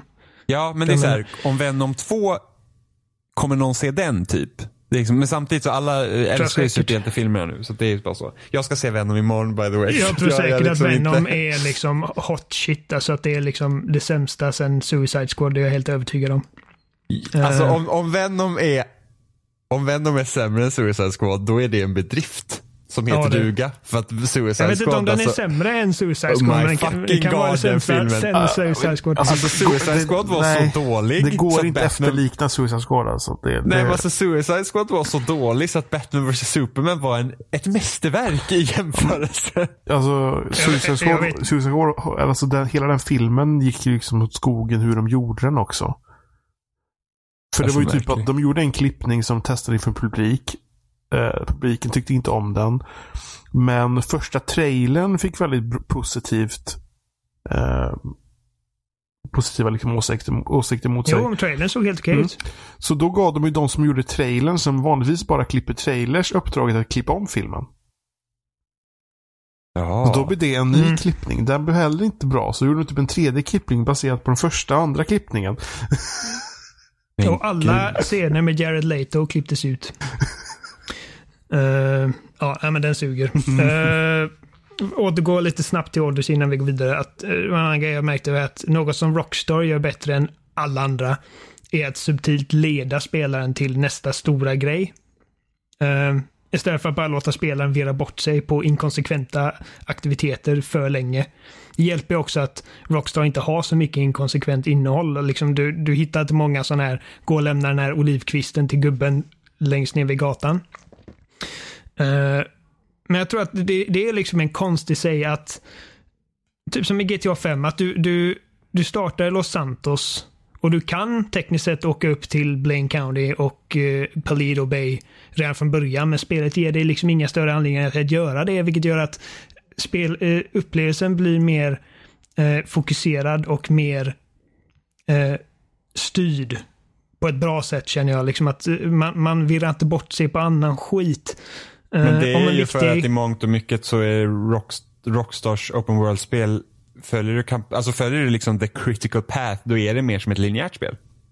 Jo, För att om man jämför då designen på de öppna världarna, att när du, när du spelar uppdrag i GTA så får du ofta gå in i hus, byggnader och sånt där du normalt sett inte kan vara, vilket är som linjära banor. Men så jämför du med Ubisoft-spel där allt utspelar sig i den öppna världen, därför uppdragen utspelar sig på dess outposts. I princip. Du går till den här outposten som redan finns och dödar fienderna som finns där. men om man, om man, typ, om man säger en viktig händelse i storyn ligger runt hörnet i typ GTA. Blir man kanske uppringd eller mejlad av andra karaktärer? Som säger grejer som att "Ö, vi är redo för stöten och liknande. Vilket gör att spelet hela tiden håller de spännande grejerna som spelet erbjuder i spelarens tankar. Eh, Hur gör du det i antikens Grekland? ja, men, det behöver inte vara en telefon. Nej, nej, nej, men jag undrar bara hur det hade finns du... andra grejer. ja, men jag- hur hade du gjort? Jag vet inte, alltså... Min poäng är att det, liksom Rockstar är bra på att... Hur, hur gjorde Rockstar i typ GTA Vice City när det inte typ fanns mobiltelefoner? Eh, jag tror bara en, en sån enkel grej som de också gör är att huvuduppdragen, där de roliga grejerna händer, alltid är markerade på minikartan. Liksom oavsett vart du befinner dig, så att de Ja. alltid är i bakhuvudet på dig. Liksom. Eh, och för att, typ om vi säger Odyssey, när jag är klar med ett uppdrag, så måste jag in i kartan och då blir det lätt att jag bara tar vad som är närmast mig, vilket gör att det blir många timmar där jag bara springer runt och gör skit. Liksom. Vadå, går du till ett frågetecken? Ja, eh, rätt. Det gör inte jag, för jag vet, jag vet vad som finns i det här frågetecknet. Där är ett ställe som har kanske två eller tre objektiv. Du vill säga att du ska hitta en skattkarta, en Ja, jag ska öppna skattkista. den här kistan och Ja, döda kaptenen. Ja. Men då vet jag också att ja, men det ger mig gear och gear kan jag bryta ner för att få grejer så jag kan uppgradera mitt skepp. Okej, men det, Ehm. det, det tycker jag är astråkigt. Det är bara så att jag, jag bryr mig inte om de jävla frågetecknen just på grund av den anledningen. Jag vet redan vad som finns där, så det är inte spännande för mig att utforska dem. Jag vet, inte, men det blir liksom istället för att aktivt hålla igång ett tempo eller en variation av bra grejer att göra spelet blir det liksom att jag, jag bara virrar runt helt utan riktning. Och till slut Ja, efter typ sex timmar när jag märker att oj, jag har fan inte gjort ett skit. Jag har bara gått runt i skogen, dödat en björn som försökte äta upp mig, jag har rensat ut typ 300 bandit camps och nu har jag inte så jävla roligt. Jag kanske bo- borde gå och göra en main quest. Ehm, Jaha, jag, jag, generellt sett när jag spelar, och så här var jag väldigt mycket innan introduceringen av achievements. Aldrig sidoquest. Aldrig. Jag körde alltid bara mainquesten. Det var så jag spelade. Aldrig sidoskit, för det var aldrig lika bra. Så att jag är ganska duktig på att springa. ja, det är liksom, ju inte det. Nej, men jag är ganska bra på att, alltså jag tror, Witcher 3 är typ ett av få spel där jag liksom bara säger att det finns quest här. Som jag verkligen känner, oh, här, när jag spelar JRPG, typ Persona, okej Persona var ett dåligt exempel för det finns inga sidoquest typ i Persona. Inte på det sättet i alla fall. Men typ när jag spelar Tales of spelen eller eh, ja men vilket JRPG egentligen som helst. Xenoblade exempelvis. Aldrig sidoquest. Aldrig. För att det är liksom mainquesten är så pass köttig och lång som den är så jag behöver inte ha det här andra.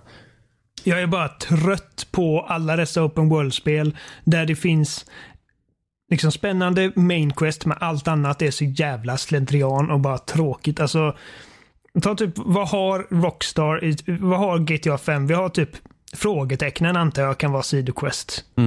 Och man vet inte riktigt vad det är man kommer mötas av där. Men en av de tidigare grejerna är att man åker som Franklin och träffar på en paparazzi som är helt galen. Och det slutar med att man smyger upp på någon kändis bakgård och filmar henne när hon knullas av en tenniscoach eller någonting. Och sen blir man jagad av henne för att hon vill ha tillbaka filmen.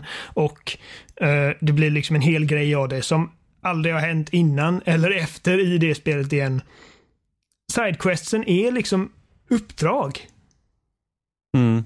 Det är inte bara att du går till en NPC som typ öppnar munnen konstigt och säger typ det här och det här behöver jag. Jag behöver björnskinn. Eller jag, jag behöver få det här levererat. Och så går man till nästa punkt och så får man sin belöning. Det finns liksom inte bara en unik kontext storymässigt och faktiskt välproducerade cutscenes med karaktärer som är liksom unika för de här sidouppdragen.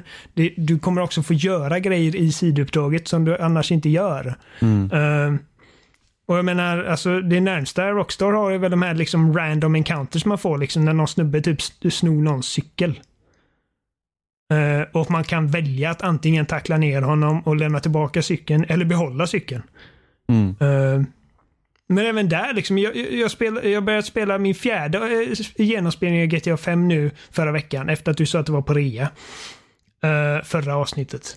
Och jag kom in på en random encounter jag aldrig har sett förut. Mm. Det var liksom någon, någon typ construction worker som blev pinnad under massa jävla bråte. Man var tvungen att hoppa in i en Eh, eller tvungen. Du kunde gå därifrån också om du ville. Men, jag, men man fick valet att hoppa in i en sån liksom eh, bulldozer och liksom gräva fram honom innan skiten började explodera. Och jag, jag trodde jag hade sett alla typer av random activities i det spelet, men det har jag inte. För att de är helt random och de dyker upp liksom organiskt i spelet. Och sen Mm. finns det ju skit där också, typ som man ska jaga efter de här liksom eh, snubbarna för mad ute i öknen.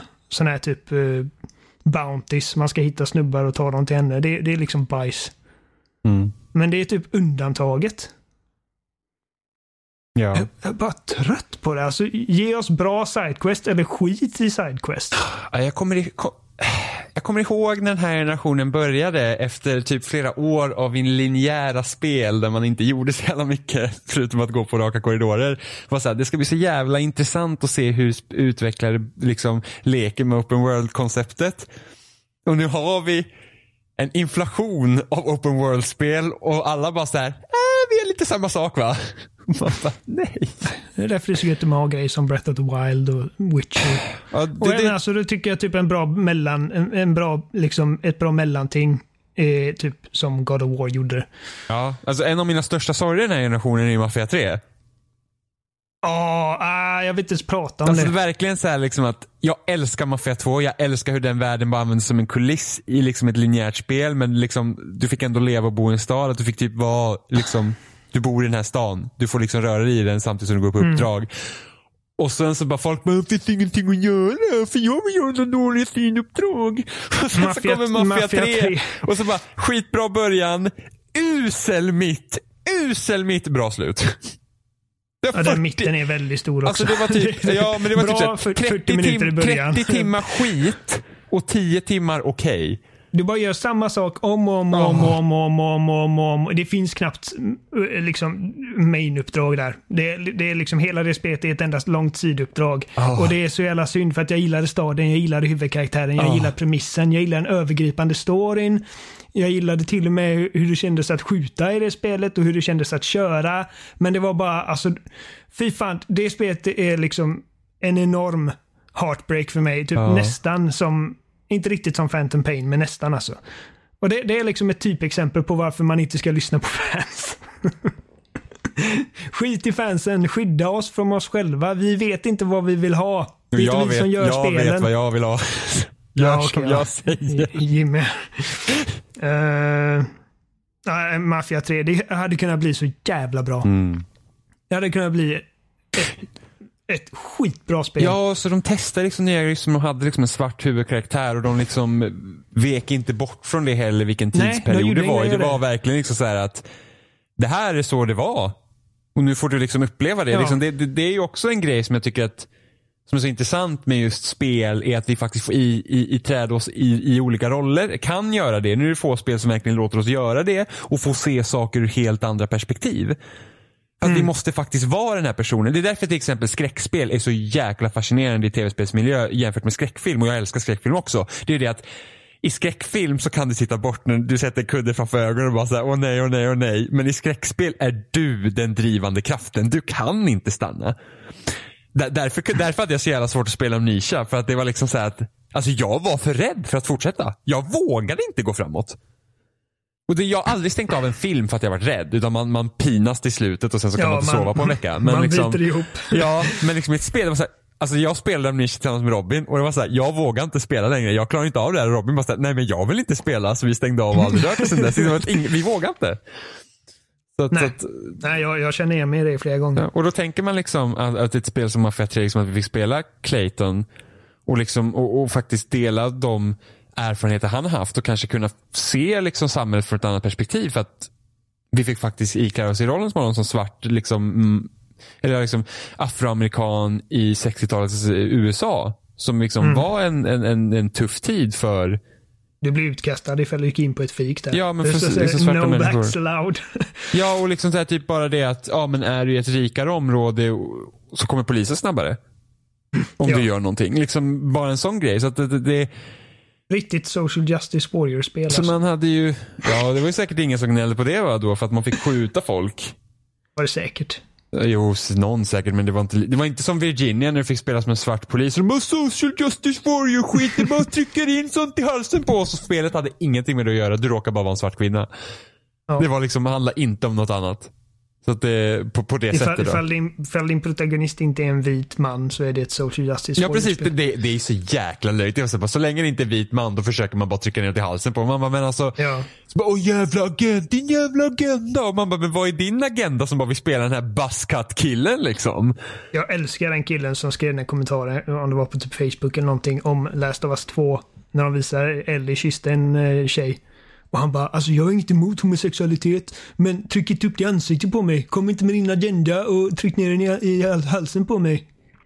Ja, och någon bara kom inte med din agenda, tryck ner med hans Tryck inte ner din straight-agenda i min hals, ditt Ja. idiotjävel. Men det är liksom så här, för att, för att det är också ett sätt att, att om man tänker nu homosexualitet och sånt, ett sätt att normalisera sånt och liksom få det accepterat av majoriteten av befolkningen är ju faktiskt att bara visa det. Mm. För att liksom att säga så här, säg att ingen media någonsin hade visat ett homosexuellt par, då hade alla tyckt det var konstigt. Så Ja. fort man hade fått se det. Liksom, då, då, det är inte så man normaliserar saker, det är liksom att så här, visa det. Men alltså, det är så här att de kysstes, fine. Det är liksom, det är inte mer än så. Men det var ingen big deal. Nej, precis. Det behöver inte vara en big deal. Men liksom, för att få det accepterat så måste man ju också använda det av, sig av det. Liksom. Alltså, Hade må- det varit en kille så hade det inte varit... Precis, hade det varit en kille och en tjej som hade kysst så hade ingen brytt sig om Åh, Nej. Tryck inte ner din jävla sexuella agenda i min hals, din skithög. Jag såg en jättebra tweet också, inte riktigt samma sak, men jag såg en bra tweet om att killar är jättebra på att förstå consent och liksom samtycke när det är en annan kille som pillar på dem i baren. Ja, jag tyckte det var faktiskt jättekul. Det är, alltså, de är så jävla trångsynta. De kan inte se utanför sin, liksom, sin egen lilla eh, bubbla. Det är bara så bisarrt. Och jag Ja. menar, jag menar alltså, det är ju så att homosexualitet är ju liksom en mindre eh, mindre än vad heterosexualitet är. Det, är liksom, det, det är ju fler heterosexuella mä- människor på jorden än homosexuella. Det kan vi Men faktiskt du- inte veta. Vi, det är i alla fall mer socialt accepterat att det finns mer heterosex... Alltså att, att, att Okej, folk... ja, vi vet inte, liksom, kan vi inte- vet inte om nej. hälften av mänskligheten liksom sitter och ljuger om Vi att kan de är säga att heterosexuella. majoriteten av mänskligheten är uppfostrade till att heterosexualitet är normen. Den datan vi har just nu tyder på det i alla fall. Ja. Men det borde, det borde inte spela en roll. Alltså, det är liksom miljontals människor som man inte... Var, varför ska de...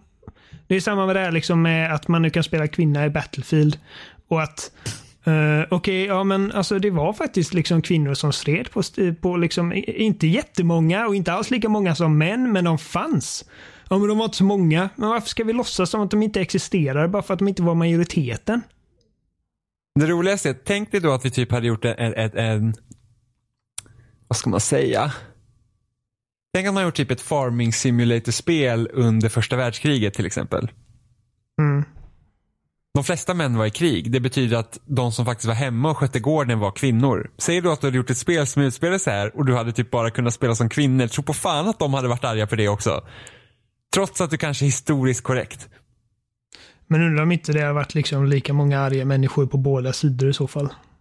Nej men säg att nej, men så Det är här, typ att Ungefär som om det var liksom en, en kökssimulator och du kan inte spela man. Nej, men det är inte kökssimulator utan det är liksom, tänk, tänk dig typ Nej men tänk dig typ Stardew Valley under eh, första världskriget men liksom eftersom alla män är ute och krigar så måste du vara hemma och ta hand om gården till exempel. Och så jag förstår vad du menar. Ja, Absolut. Så då hade ju folk, vad fan, det är Ja. bara män som kan skörda. liksom. Det är så jävla löjligt. Ja, Eh, det är otroligt löjligt. Ja, jag stör mig. Men... Eh, ja, en sista grej om Odyssey. Eh, och jag vill, jag vill påpeka att nu, nu låter det som att vi har bashat det här spelet. Jag tycker det är roligt. Jag gillar det. Eh, jag tycker det är... tycker det är kul. Jag, ska, jag, jag, jag ser fram emot att spela mer. Eh, men eh, liksom, alltså, det är gött att precis som i Origins att du nu kan i princip klättra på alla ytor i spelet. Men varför... Föreställ dig om man hade tagit liksom klättersystemet från Breath of the Wild. Liksom att du, du kan inte klättra hur mycket som helst. Och jag är så glad att du kan klättra hur mycket som helst. Ah, Okej, ja. Jag hade inte orkat att ha en mätare i det här spelet. Stöder du det på i Breath of the Wild också? Eller det bara liksom att du men inte har det, ta det jag här? tycker klättringen fungerar annorlunda i Breath of the Wild. Det, är liksom, eh, världen är inte lika komplex. Som Nej, eh, och, eh, Odyssey är. Det finns mer att klättra på här, det är mer sammansatt. Det, det blir lite annorlunda i Breath of the Wild för att där behöver du inte alltid klättra. Du kanske klättrar emellanåt. Medan i Odyssey så klättrar, alltså så fort du är liksom inne i stan så klättrar man. Liksom. Så att, eh, men jag älskar att man kan klättra på allting. Det tycker jag är skitnice. Ja. Nej, men jag säger inte att, du- att du måste liksom, att du inte kommer kunna klättra upp på ett hus. Liksom. Men när man klättrar ett stort berg. För att jag tror att an, en stor anledning till att klättrandet var så roligt i Battle Royale är för att i och med att du inte kan klättra hur mycket som helst så blir du mer aktiv i det. Du håller inte bara fram på, på liksom styrspaken och väntar på att du kommer upp utan du, det är liksom ytterligare ett spelmoment som du måste tackla strategiskt. Och du måste ta pauser och grejer. Du måste hålla utkik efter ställen där du kan ta pauser. Och det är mycket möjligt att det inte hade fungerat i det här spelet. Det var bara liksom en tanke jag hade. Mm. Men jag gillar det. Jag kan inte, jag, jag spelar för lite för att kunna uttala mig. Mm. Jag, jag känner så att igår, igår kväll hade jag kul när jag spelade, i förrgår hade jag inte kul när jag spelade. Så jag får se hur jag har om typ x antal timmar. Jag önskar dock att de bara hade liksom... Att de bara hade haft liksom staken att säga att eh, Cassandra är huvudkaraktären. Du får spela som Cassandra. Ja. Inte för att jag är emot valet på något sätt, men jag kände att det hade varit kul att kunna säga att detta är det första liksom eh, kvinnoledda inte det Assassin's Creed-spelet. Inte det första.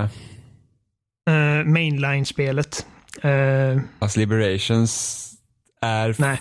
Ja, Liberation, Liberations räknas... Alltså, jag skulle sätta Liberations är typ samma klass som Assassin's Creed Rogue. Ja, men det är inte heller ett Nej, men, men, eh, men Liberations är helt... För det, var, det är ett helt Assassin's Creed. Det är precis som ett Assassin's Creed. Okej, ja men Det är liksom i inte, det. det, det är inte som typ Altair eh, mobilspelet eller de här Chronicles, China, Russia och, och vad det nu andra var. Utan det är ett Assassin's Creed. Jo, jag förstår. Men alltså liksom alltså ett riktigt mainline konsol. Alltså huvudspelet. ja, liksom, ja. huvud, huvudspel. Men även Ja, om... men det var ju som Jim Sterling sa. Liksom. Han bara, ja nu vill de ha en klapp på, på, på, på, på ryggen för att de har en kvinna i sitt spel som de redan har haft. Liksom. Trots att de eh, efter till och med hade Liberation var så att det är för svårt att animera och grejer. För det var samma sak med. Syndicate när de liksom la de två syskonen. Det var en tjej och en kille. Men jag tror ju att, att tanken med Syndicate var säkert från början inte att ha två olika protagonister där. Jag tror att det lades till efter att det blev så stor eh, så stor uh, hubbub. Det, det, det, alltså jag vill inte lägga ord i munnen på den givetvis, men det känns lite som att vi vågar inte riktigt ha en, en, en kvinnlig huvudkaraktär utan att låta det spela som man också. Förstår du vad jag menar? Ja, Jag hade bara önskat att de hade liksom verkligen gått in och bara, det här är Cassandras berättelse. Liksom. ja, jag nu är det med. inte det. Nu är det någon av deras berättelser. Ja. Ja, och där återigen jag som tycker liksom låren och allt det här spelar roll på någon vänster tycker ju bättre om att man faktiskt har en karaktär som faktiskt är karaktären. Mm, för nu är det lite luddigt liksom vart hela den här berättelsen börjar. Eh, men, Men alltså, eh, alltså Cassandra och Alexius är ju samma person om, Ja. du, om du väljer den. Sen så får ju den personen en annan relation till den andra beroende på vilken du väljer. Men då kan man ju typ gå så att Åh, vi var inte riktigt säkra på vem som var vem. För att hur går de vidare sen till spel som utspelar sig i framtiden och ska referera bak till fast i och för sig, Ja. de kan ju bara referera tillbaks till Alexius eller Cassandra. Det kan ju hända massa saker från att eftertexterna rullar till exempel. Ja, ja, ja. ja, vi får se hur det slutar. Men ja, Om man kommer dit. bara en tanke också. Jag hade önskat att de bara liksom gick in på att det här är våran karaktär. Men ja, eh, överlag positivt känner jag. Jag gillar det. Nu, Ja. jag, vill, jag, alltså jag satt och tänkte på detta eh, häromdagen när jag spelade GTA.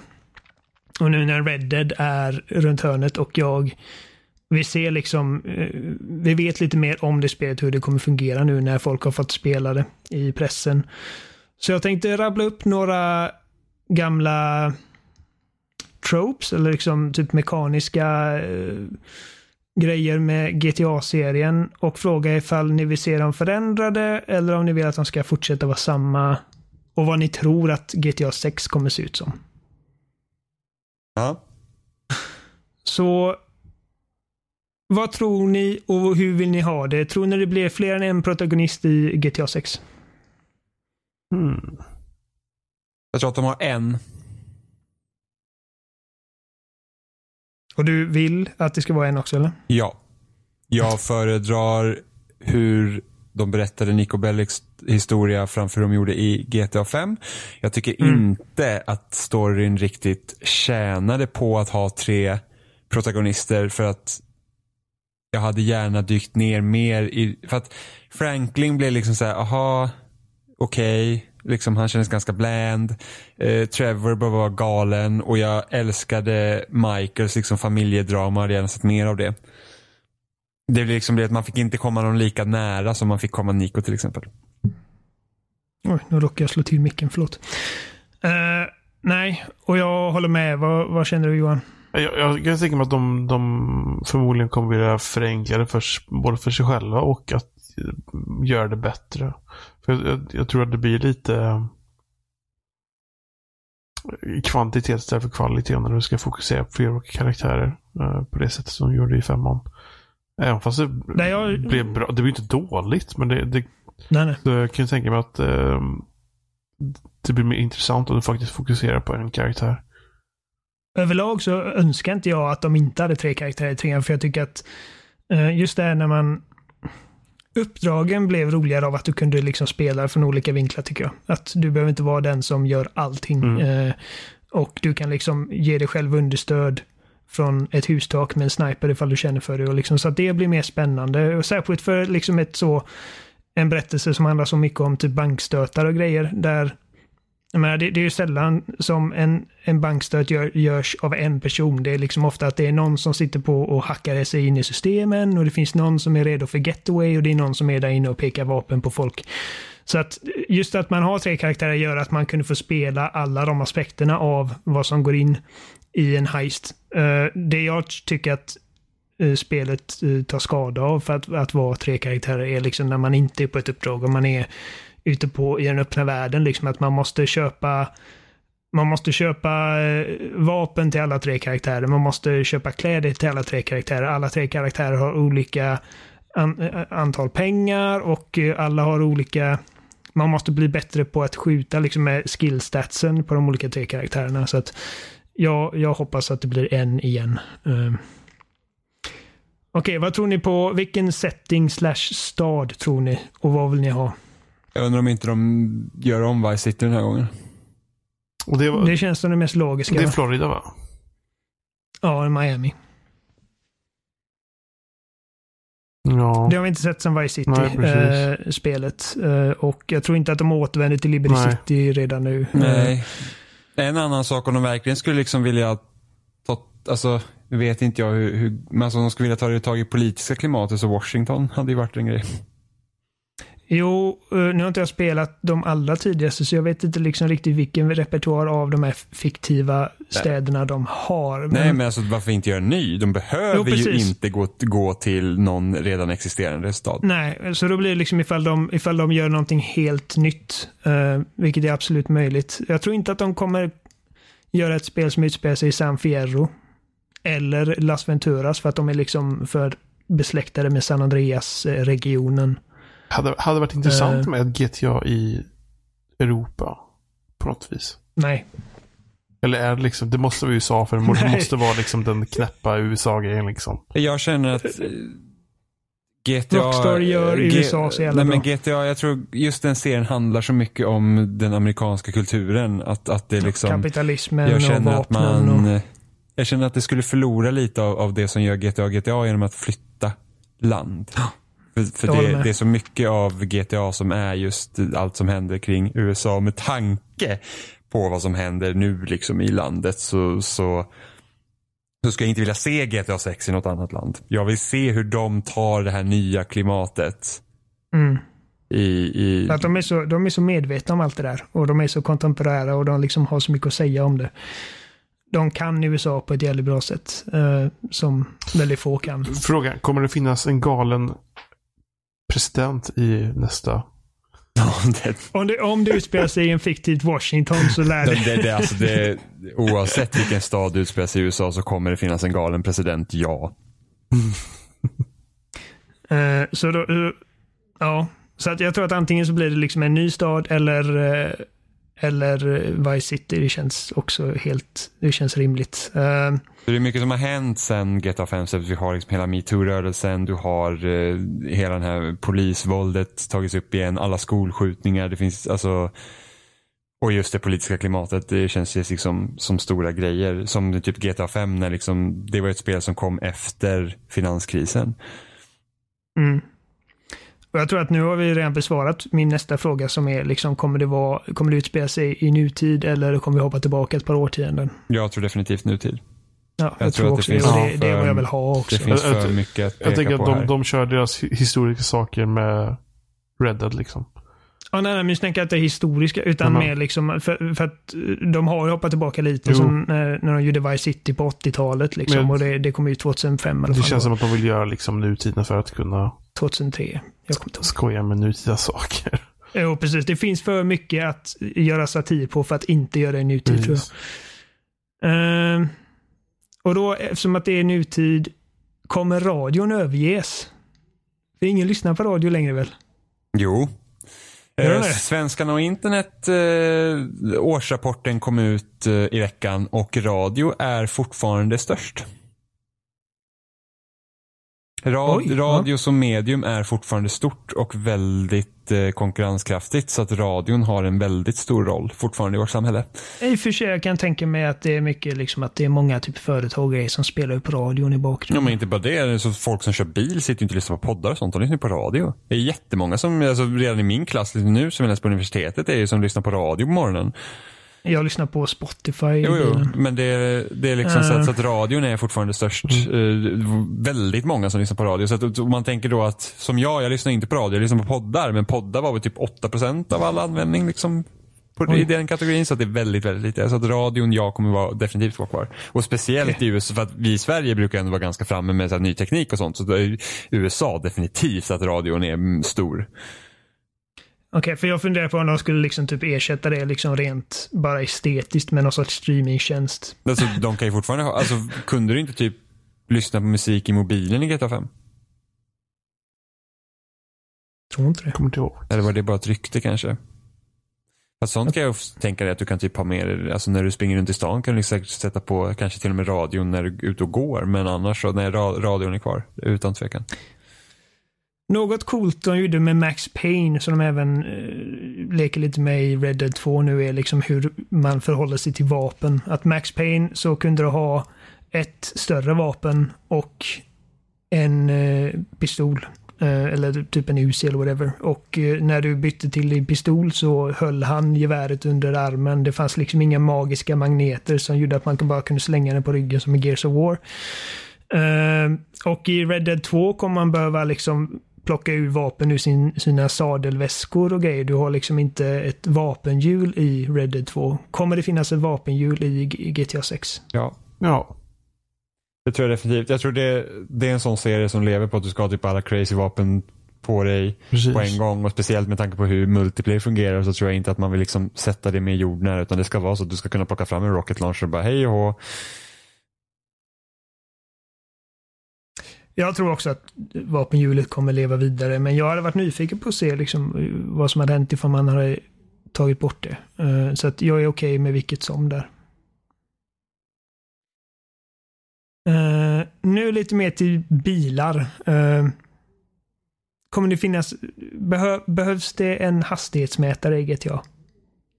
En hastighetsmätare? Ja, i bilarna. Ja. Vill du se hur snabbt du kör när du, när du kör bil? Varför skulle vi ta bort den? Den, den finns inte.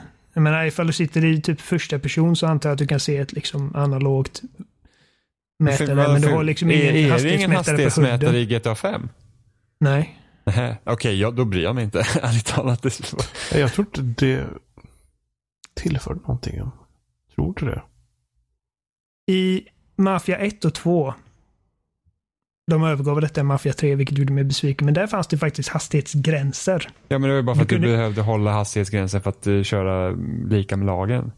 Jag vet. Eh, vår, är det någonting man kan inkorporera i GTA 6? Att eh, ifall du kör för fort och en polis ser dig så kan de köra efter dig? För att alltså, som det är nu, lagen i GTA är så liksom att ifall du ifall du skjuter eller typ brukar våld eller om du kör in i en polis så får de efter det. Men du kan köra hur snabbt som helst bara du inte liksom kör på folk. Jag tror också det att GTA är ett sånt spel där liksom att jag tror att det hade blivit irriterande om man hade stannat upp det. Om de inte fixar ett nytt spel för, eller system för hur polisen faktiskt fungerar. Och hur den jagar och hur den tänker. Ja men det, det hade ju varit det hade de ju definitivt fått omdesign i så fall. För så som polisen fungerar till exempel nu i GTA 5 så funkar det inte. Ty- Nej, nej, klart inte. Uh, bensin. Nej. Ni vill inte tänka på typ att ha en Liksom att uh, inte få soppatorsk. Gud nej. Det, det där är liksom så typiskt exempel när man tror att om det här är coolt för att bli verkligt men det kommer bara Alltså, bli det är jobbigt. lite så de gör med Red Dead 2. De sätter till sådana begränsningar som gör att spelet är mer jordnära än, än Mm. vad man kan tänka sig. Och då ska man göra sådana här förändringar då lär man ju behöva förändra serien så pass mycket i grunden att det passar. Jag tror att hade det funnits bilar i Red Dead 2 så hade det nog funnits bensin med tanke på hur noga de är med sånt i det här spelet. Mm. Nej, men det är Att liksom, ska, man börja, ska man börja sätta in fartbegränsningar och liksom bensin och typ så här men, gubben måste äta, nej, men typ sådana grejer. Då, då, liksom, då, då gör man ett lite annorlunda spel och, då, och liksom i rätt kontext så kan det fungera. Säger jag. Ja, det, det tror jag också. Och just med, alltså, det är många grejer som du behöver inte äta i Red Dead 1. Eh, Du hade ett vapenhjul i Red Dead 1 också. Jo, jo, Eh, men, men så att det är ju titta- grejer de ändrar där jo, också. Jo, men titta på hur Red Dead 2 ser ut så passar det in Mm. hur de gör det. Det är det, det att om man tänker för att skillnaden mellan GTA 5 och 4 är inte så pass stor att man liksom ser drastiska förändringar i hur spelet spelas. Det är fortfarande GTA. Eh, men alltså börjar man införa sådana här saker då, då tittar man ju lite på ett annat spel. Då, då börjar man ju röra sig lite bort från det här crazy, liksom galna spelen som de ofta kan vara. Mm. Jag vet, men då, då är liksom min fråga då, är det någonting ni har varit intresserad av? Jag vet För jag känner att det hade varit ganska spännande tycker jag. Så jag, att se de här- jag, har- jag är fortfarande en sån som hoppades att, att de skulle lära sig rätt eh, läxor från GTA 4 och inte bli ett spel som GTA 5. Där man, man liksom man tänker mer på konsekvenserna av historien man berättar och liksom man kanske tänker lite på hur, hur gameplayet fungerar i den kontext som, som man, man sätter spelet i. Och, men i GTA 5 så var det så här, äh, det var svårt så att vi gör det lite mer galet istället. Eh, och jag hade gärna velat se det tvärtom. Så Jag vet faktiskt inte vad jag vill ha av GTA 6. Alltså jag är ju inte lika förtjust som många andra i GTA 5 så att jag, jag tänker inte så mycket på GTA. Men det är helt sjukt att det har gått lika lång tid mellan GTA 5 eller GTA 4 och 5 som det har gått mellan GTA 5 och nu. Så, så att jag, jag vet inte. Ja, det var det. Det var det. Mm, jag har inte kommit på fler grejer. jag har tänkt i tre dagar. Ja. Men det är ju det är förmodligen som vi sa förra veckan inget GTA 6 den här generationen. Nej, det tror jag inte. Vilket är bisarrt. Alltså tänk dig, Rockstar har släppt ett spel med Red Dead 2 den här generationen. Jag räknar inte GTA Mm. 5. Det är, det är ett last gen-spel egentligen. Jag vet Och att det man låter inte som en det. finansiell kris för andra, för andra utvecklare, men i och med att de säljer GTA 5 Ja, nej, men alltså det, Gangbusters är, det är typ, och online är en sån enorm succé så att det, de har liksom inte behövt få ut det är typ som att Epic Games aldrig skulle behöva göra något annat än Fortnite igen. Liksom. Men, men, Det är, som, alltså, det är ju inte som, det är inte som Team Eco som inte har gjort ett spel på typ två generationer, men det är liksom för att de har liksom ingen inkomst. De blir inte färdiga med det här jävla Last Guardian. Men, det, men så tänk dig då förra generationen, tänk hur mycket spel de släppte. Det var liksom GTA 4 plus två ex, stora expansioner. Sen hade de Table Tennis, Dead. Red Dead Redemption, LA Noir. Max Payne 2. Eller Mm. Noir utvecklades inte av Rockstar. Nej, men de hjälpte till att finansiera det. Så det är fortfarande pengar från de, deras sida. Eh, d- Jo, men det är inte ett tidsengagemang liksom. På det sättet. Nej, men det är fortfarande spel under deras gren. Det är ungefär som att säga att men, EA har inte släppt Fifa 19 för att de har annat. Nej, men liksom, det, Ja, det är men Rockstar är inte en utgivare. De Nej, men de fin- alltså, är Rock-. Ja, men Rockstar är på Elinors box. Det är ett Rockstar-spel fortfarande, även om det var Team Bondi som utvecklade det. Så, Ja, men, ja, alltså, ja. så att det, de hjälpte till att finansiera det. Så det är fortfarande pengar från deras sida. Det är fortfarande gått in liksom resurser till det spelet från Rockstar. Jo, men jag tänkte väl liksom ifall det skulle vara typ en, typ att hur, hur hinner de göra de här spelen? Nej, så, nej, men alltså- eh, nej. Max Payne 3 också. Vill vi se ett Max Payne 4? Jag vill se Max Payne 3 bakåtkompatibelt på Xbox One. Men vill du se ett Max Payne 4? Eh, ja, visst. Och alltså ifall, ifall eh, någon på Rockstar känner att ja, men nu har jag kommit på en pitch med en idé liksom, till hur vi ska ta vidare den här liksom, karaktären så absolut. Jag älskar Max Payne. Jag, jag har aldrig spelat ett Max Payne jag inte älskar. Och jag, jag tycker, alltså jag älskar till och med trean. Fast Mm. att folk liksom ser det som typ the black sheep of the family. Nej, jag har ju bara Ehm. spelat trean. Mm. Eh, och visst var det bra. Men det, Men jag gillar det. Väldigt långt. riktigt bra spel. Jag, menar, jag förstår att de, eh, liksom, fansen av Max Payne, för Max Payne 2 var liksom ett av mina absoluta favoritspel när det kom. Och det är fortfarande ett, ett av mina favoritspel i den genren. Uh, så att jag förstår det, liksom att man vill man var inte lika sugen på att se Max Payne springa runt i hawaiiskjorta i liksom eh, Brasilien som att se mer av den här typ eh, noir, gritty New York. Um, men alltså för vad det är så tycker jag att det fungerar jävligt bra och jag tycker att eh, de fick till eh, Max Paynes karaktär väldigt bra. Och James McCaffrey gjorde ett skitbra jobb i det spelet också. Så absolut. Det behöver inte heller ta lika lång tid att utveckla som ett GTA eller Red Dead. Ja. Inte. Alltså, jag tycker fortfarande om så att Red Dead 2 liksom har varit på en sån magnitud att de behövde så här omorganisera hur de gör spel på företaget. Ja, Mm. så blir det. Man gör vad nöden kräver. Jag tror inte vi har mer den här veckan. va? Och animerar hästpungkulor.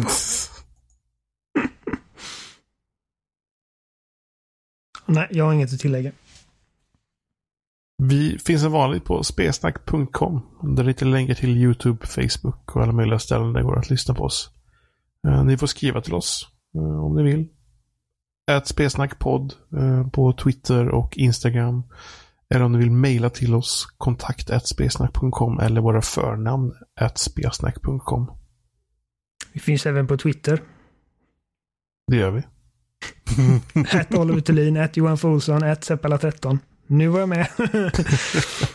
kan även skriva meddelande till Facebook-sidan vi har Ja, också det. ifall ni vill. Där sitter jag och läser. Har du något att tillägga Jimmy? Ja just det, vi öppnade typ loading för beta nu. Så Väldigt Ja, spartanskt det. forum så länge. Gratulerar på uh, Mazeltov eller vad man säger. Ja, eller hur? Så att eh, vi kommer eh, synas där också.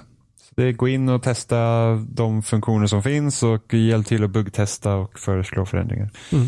Det är väl typ det jag säger. För det, är- det, det, det kan vara lite jobbigt att diskutera på sidan just nu. Eh, så har vi Discord också. Det är work in progress. Ja, gud, det är väldigt work in progress. Det, det var, vi, vi gjorde som Telltale, vi utvecklade in i sista stund. Ge Jimmy och eh, de andra på loading eh, en, eh, eran feedback och sprid kärleken. Jajamän. Vi, vi hörs, vi vi, så, vi hörs om en vecka igen. Vi hörs om en vecka. ja, Ha det gott allihopa. hej. Hej!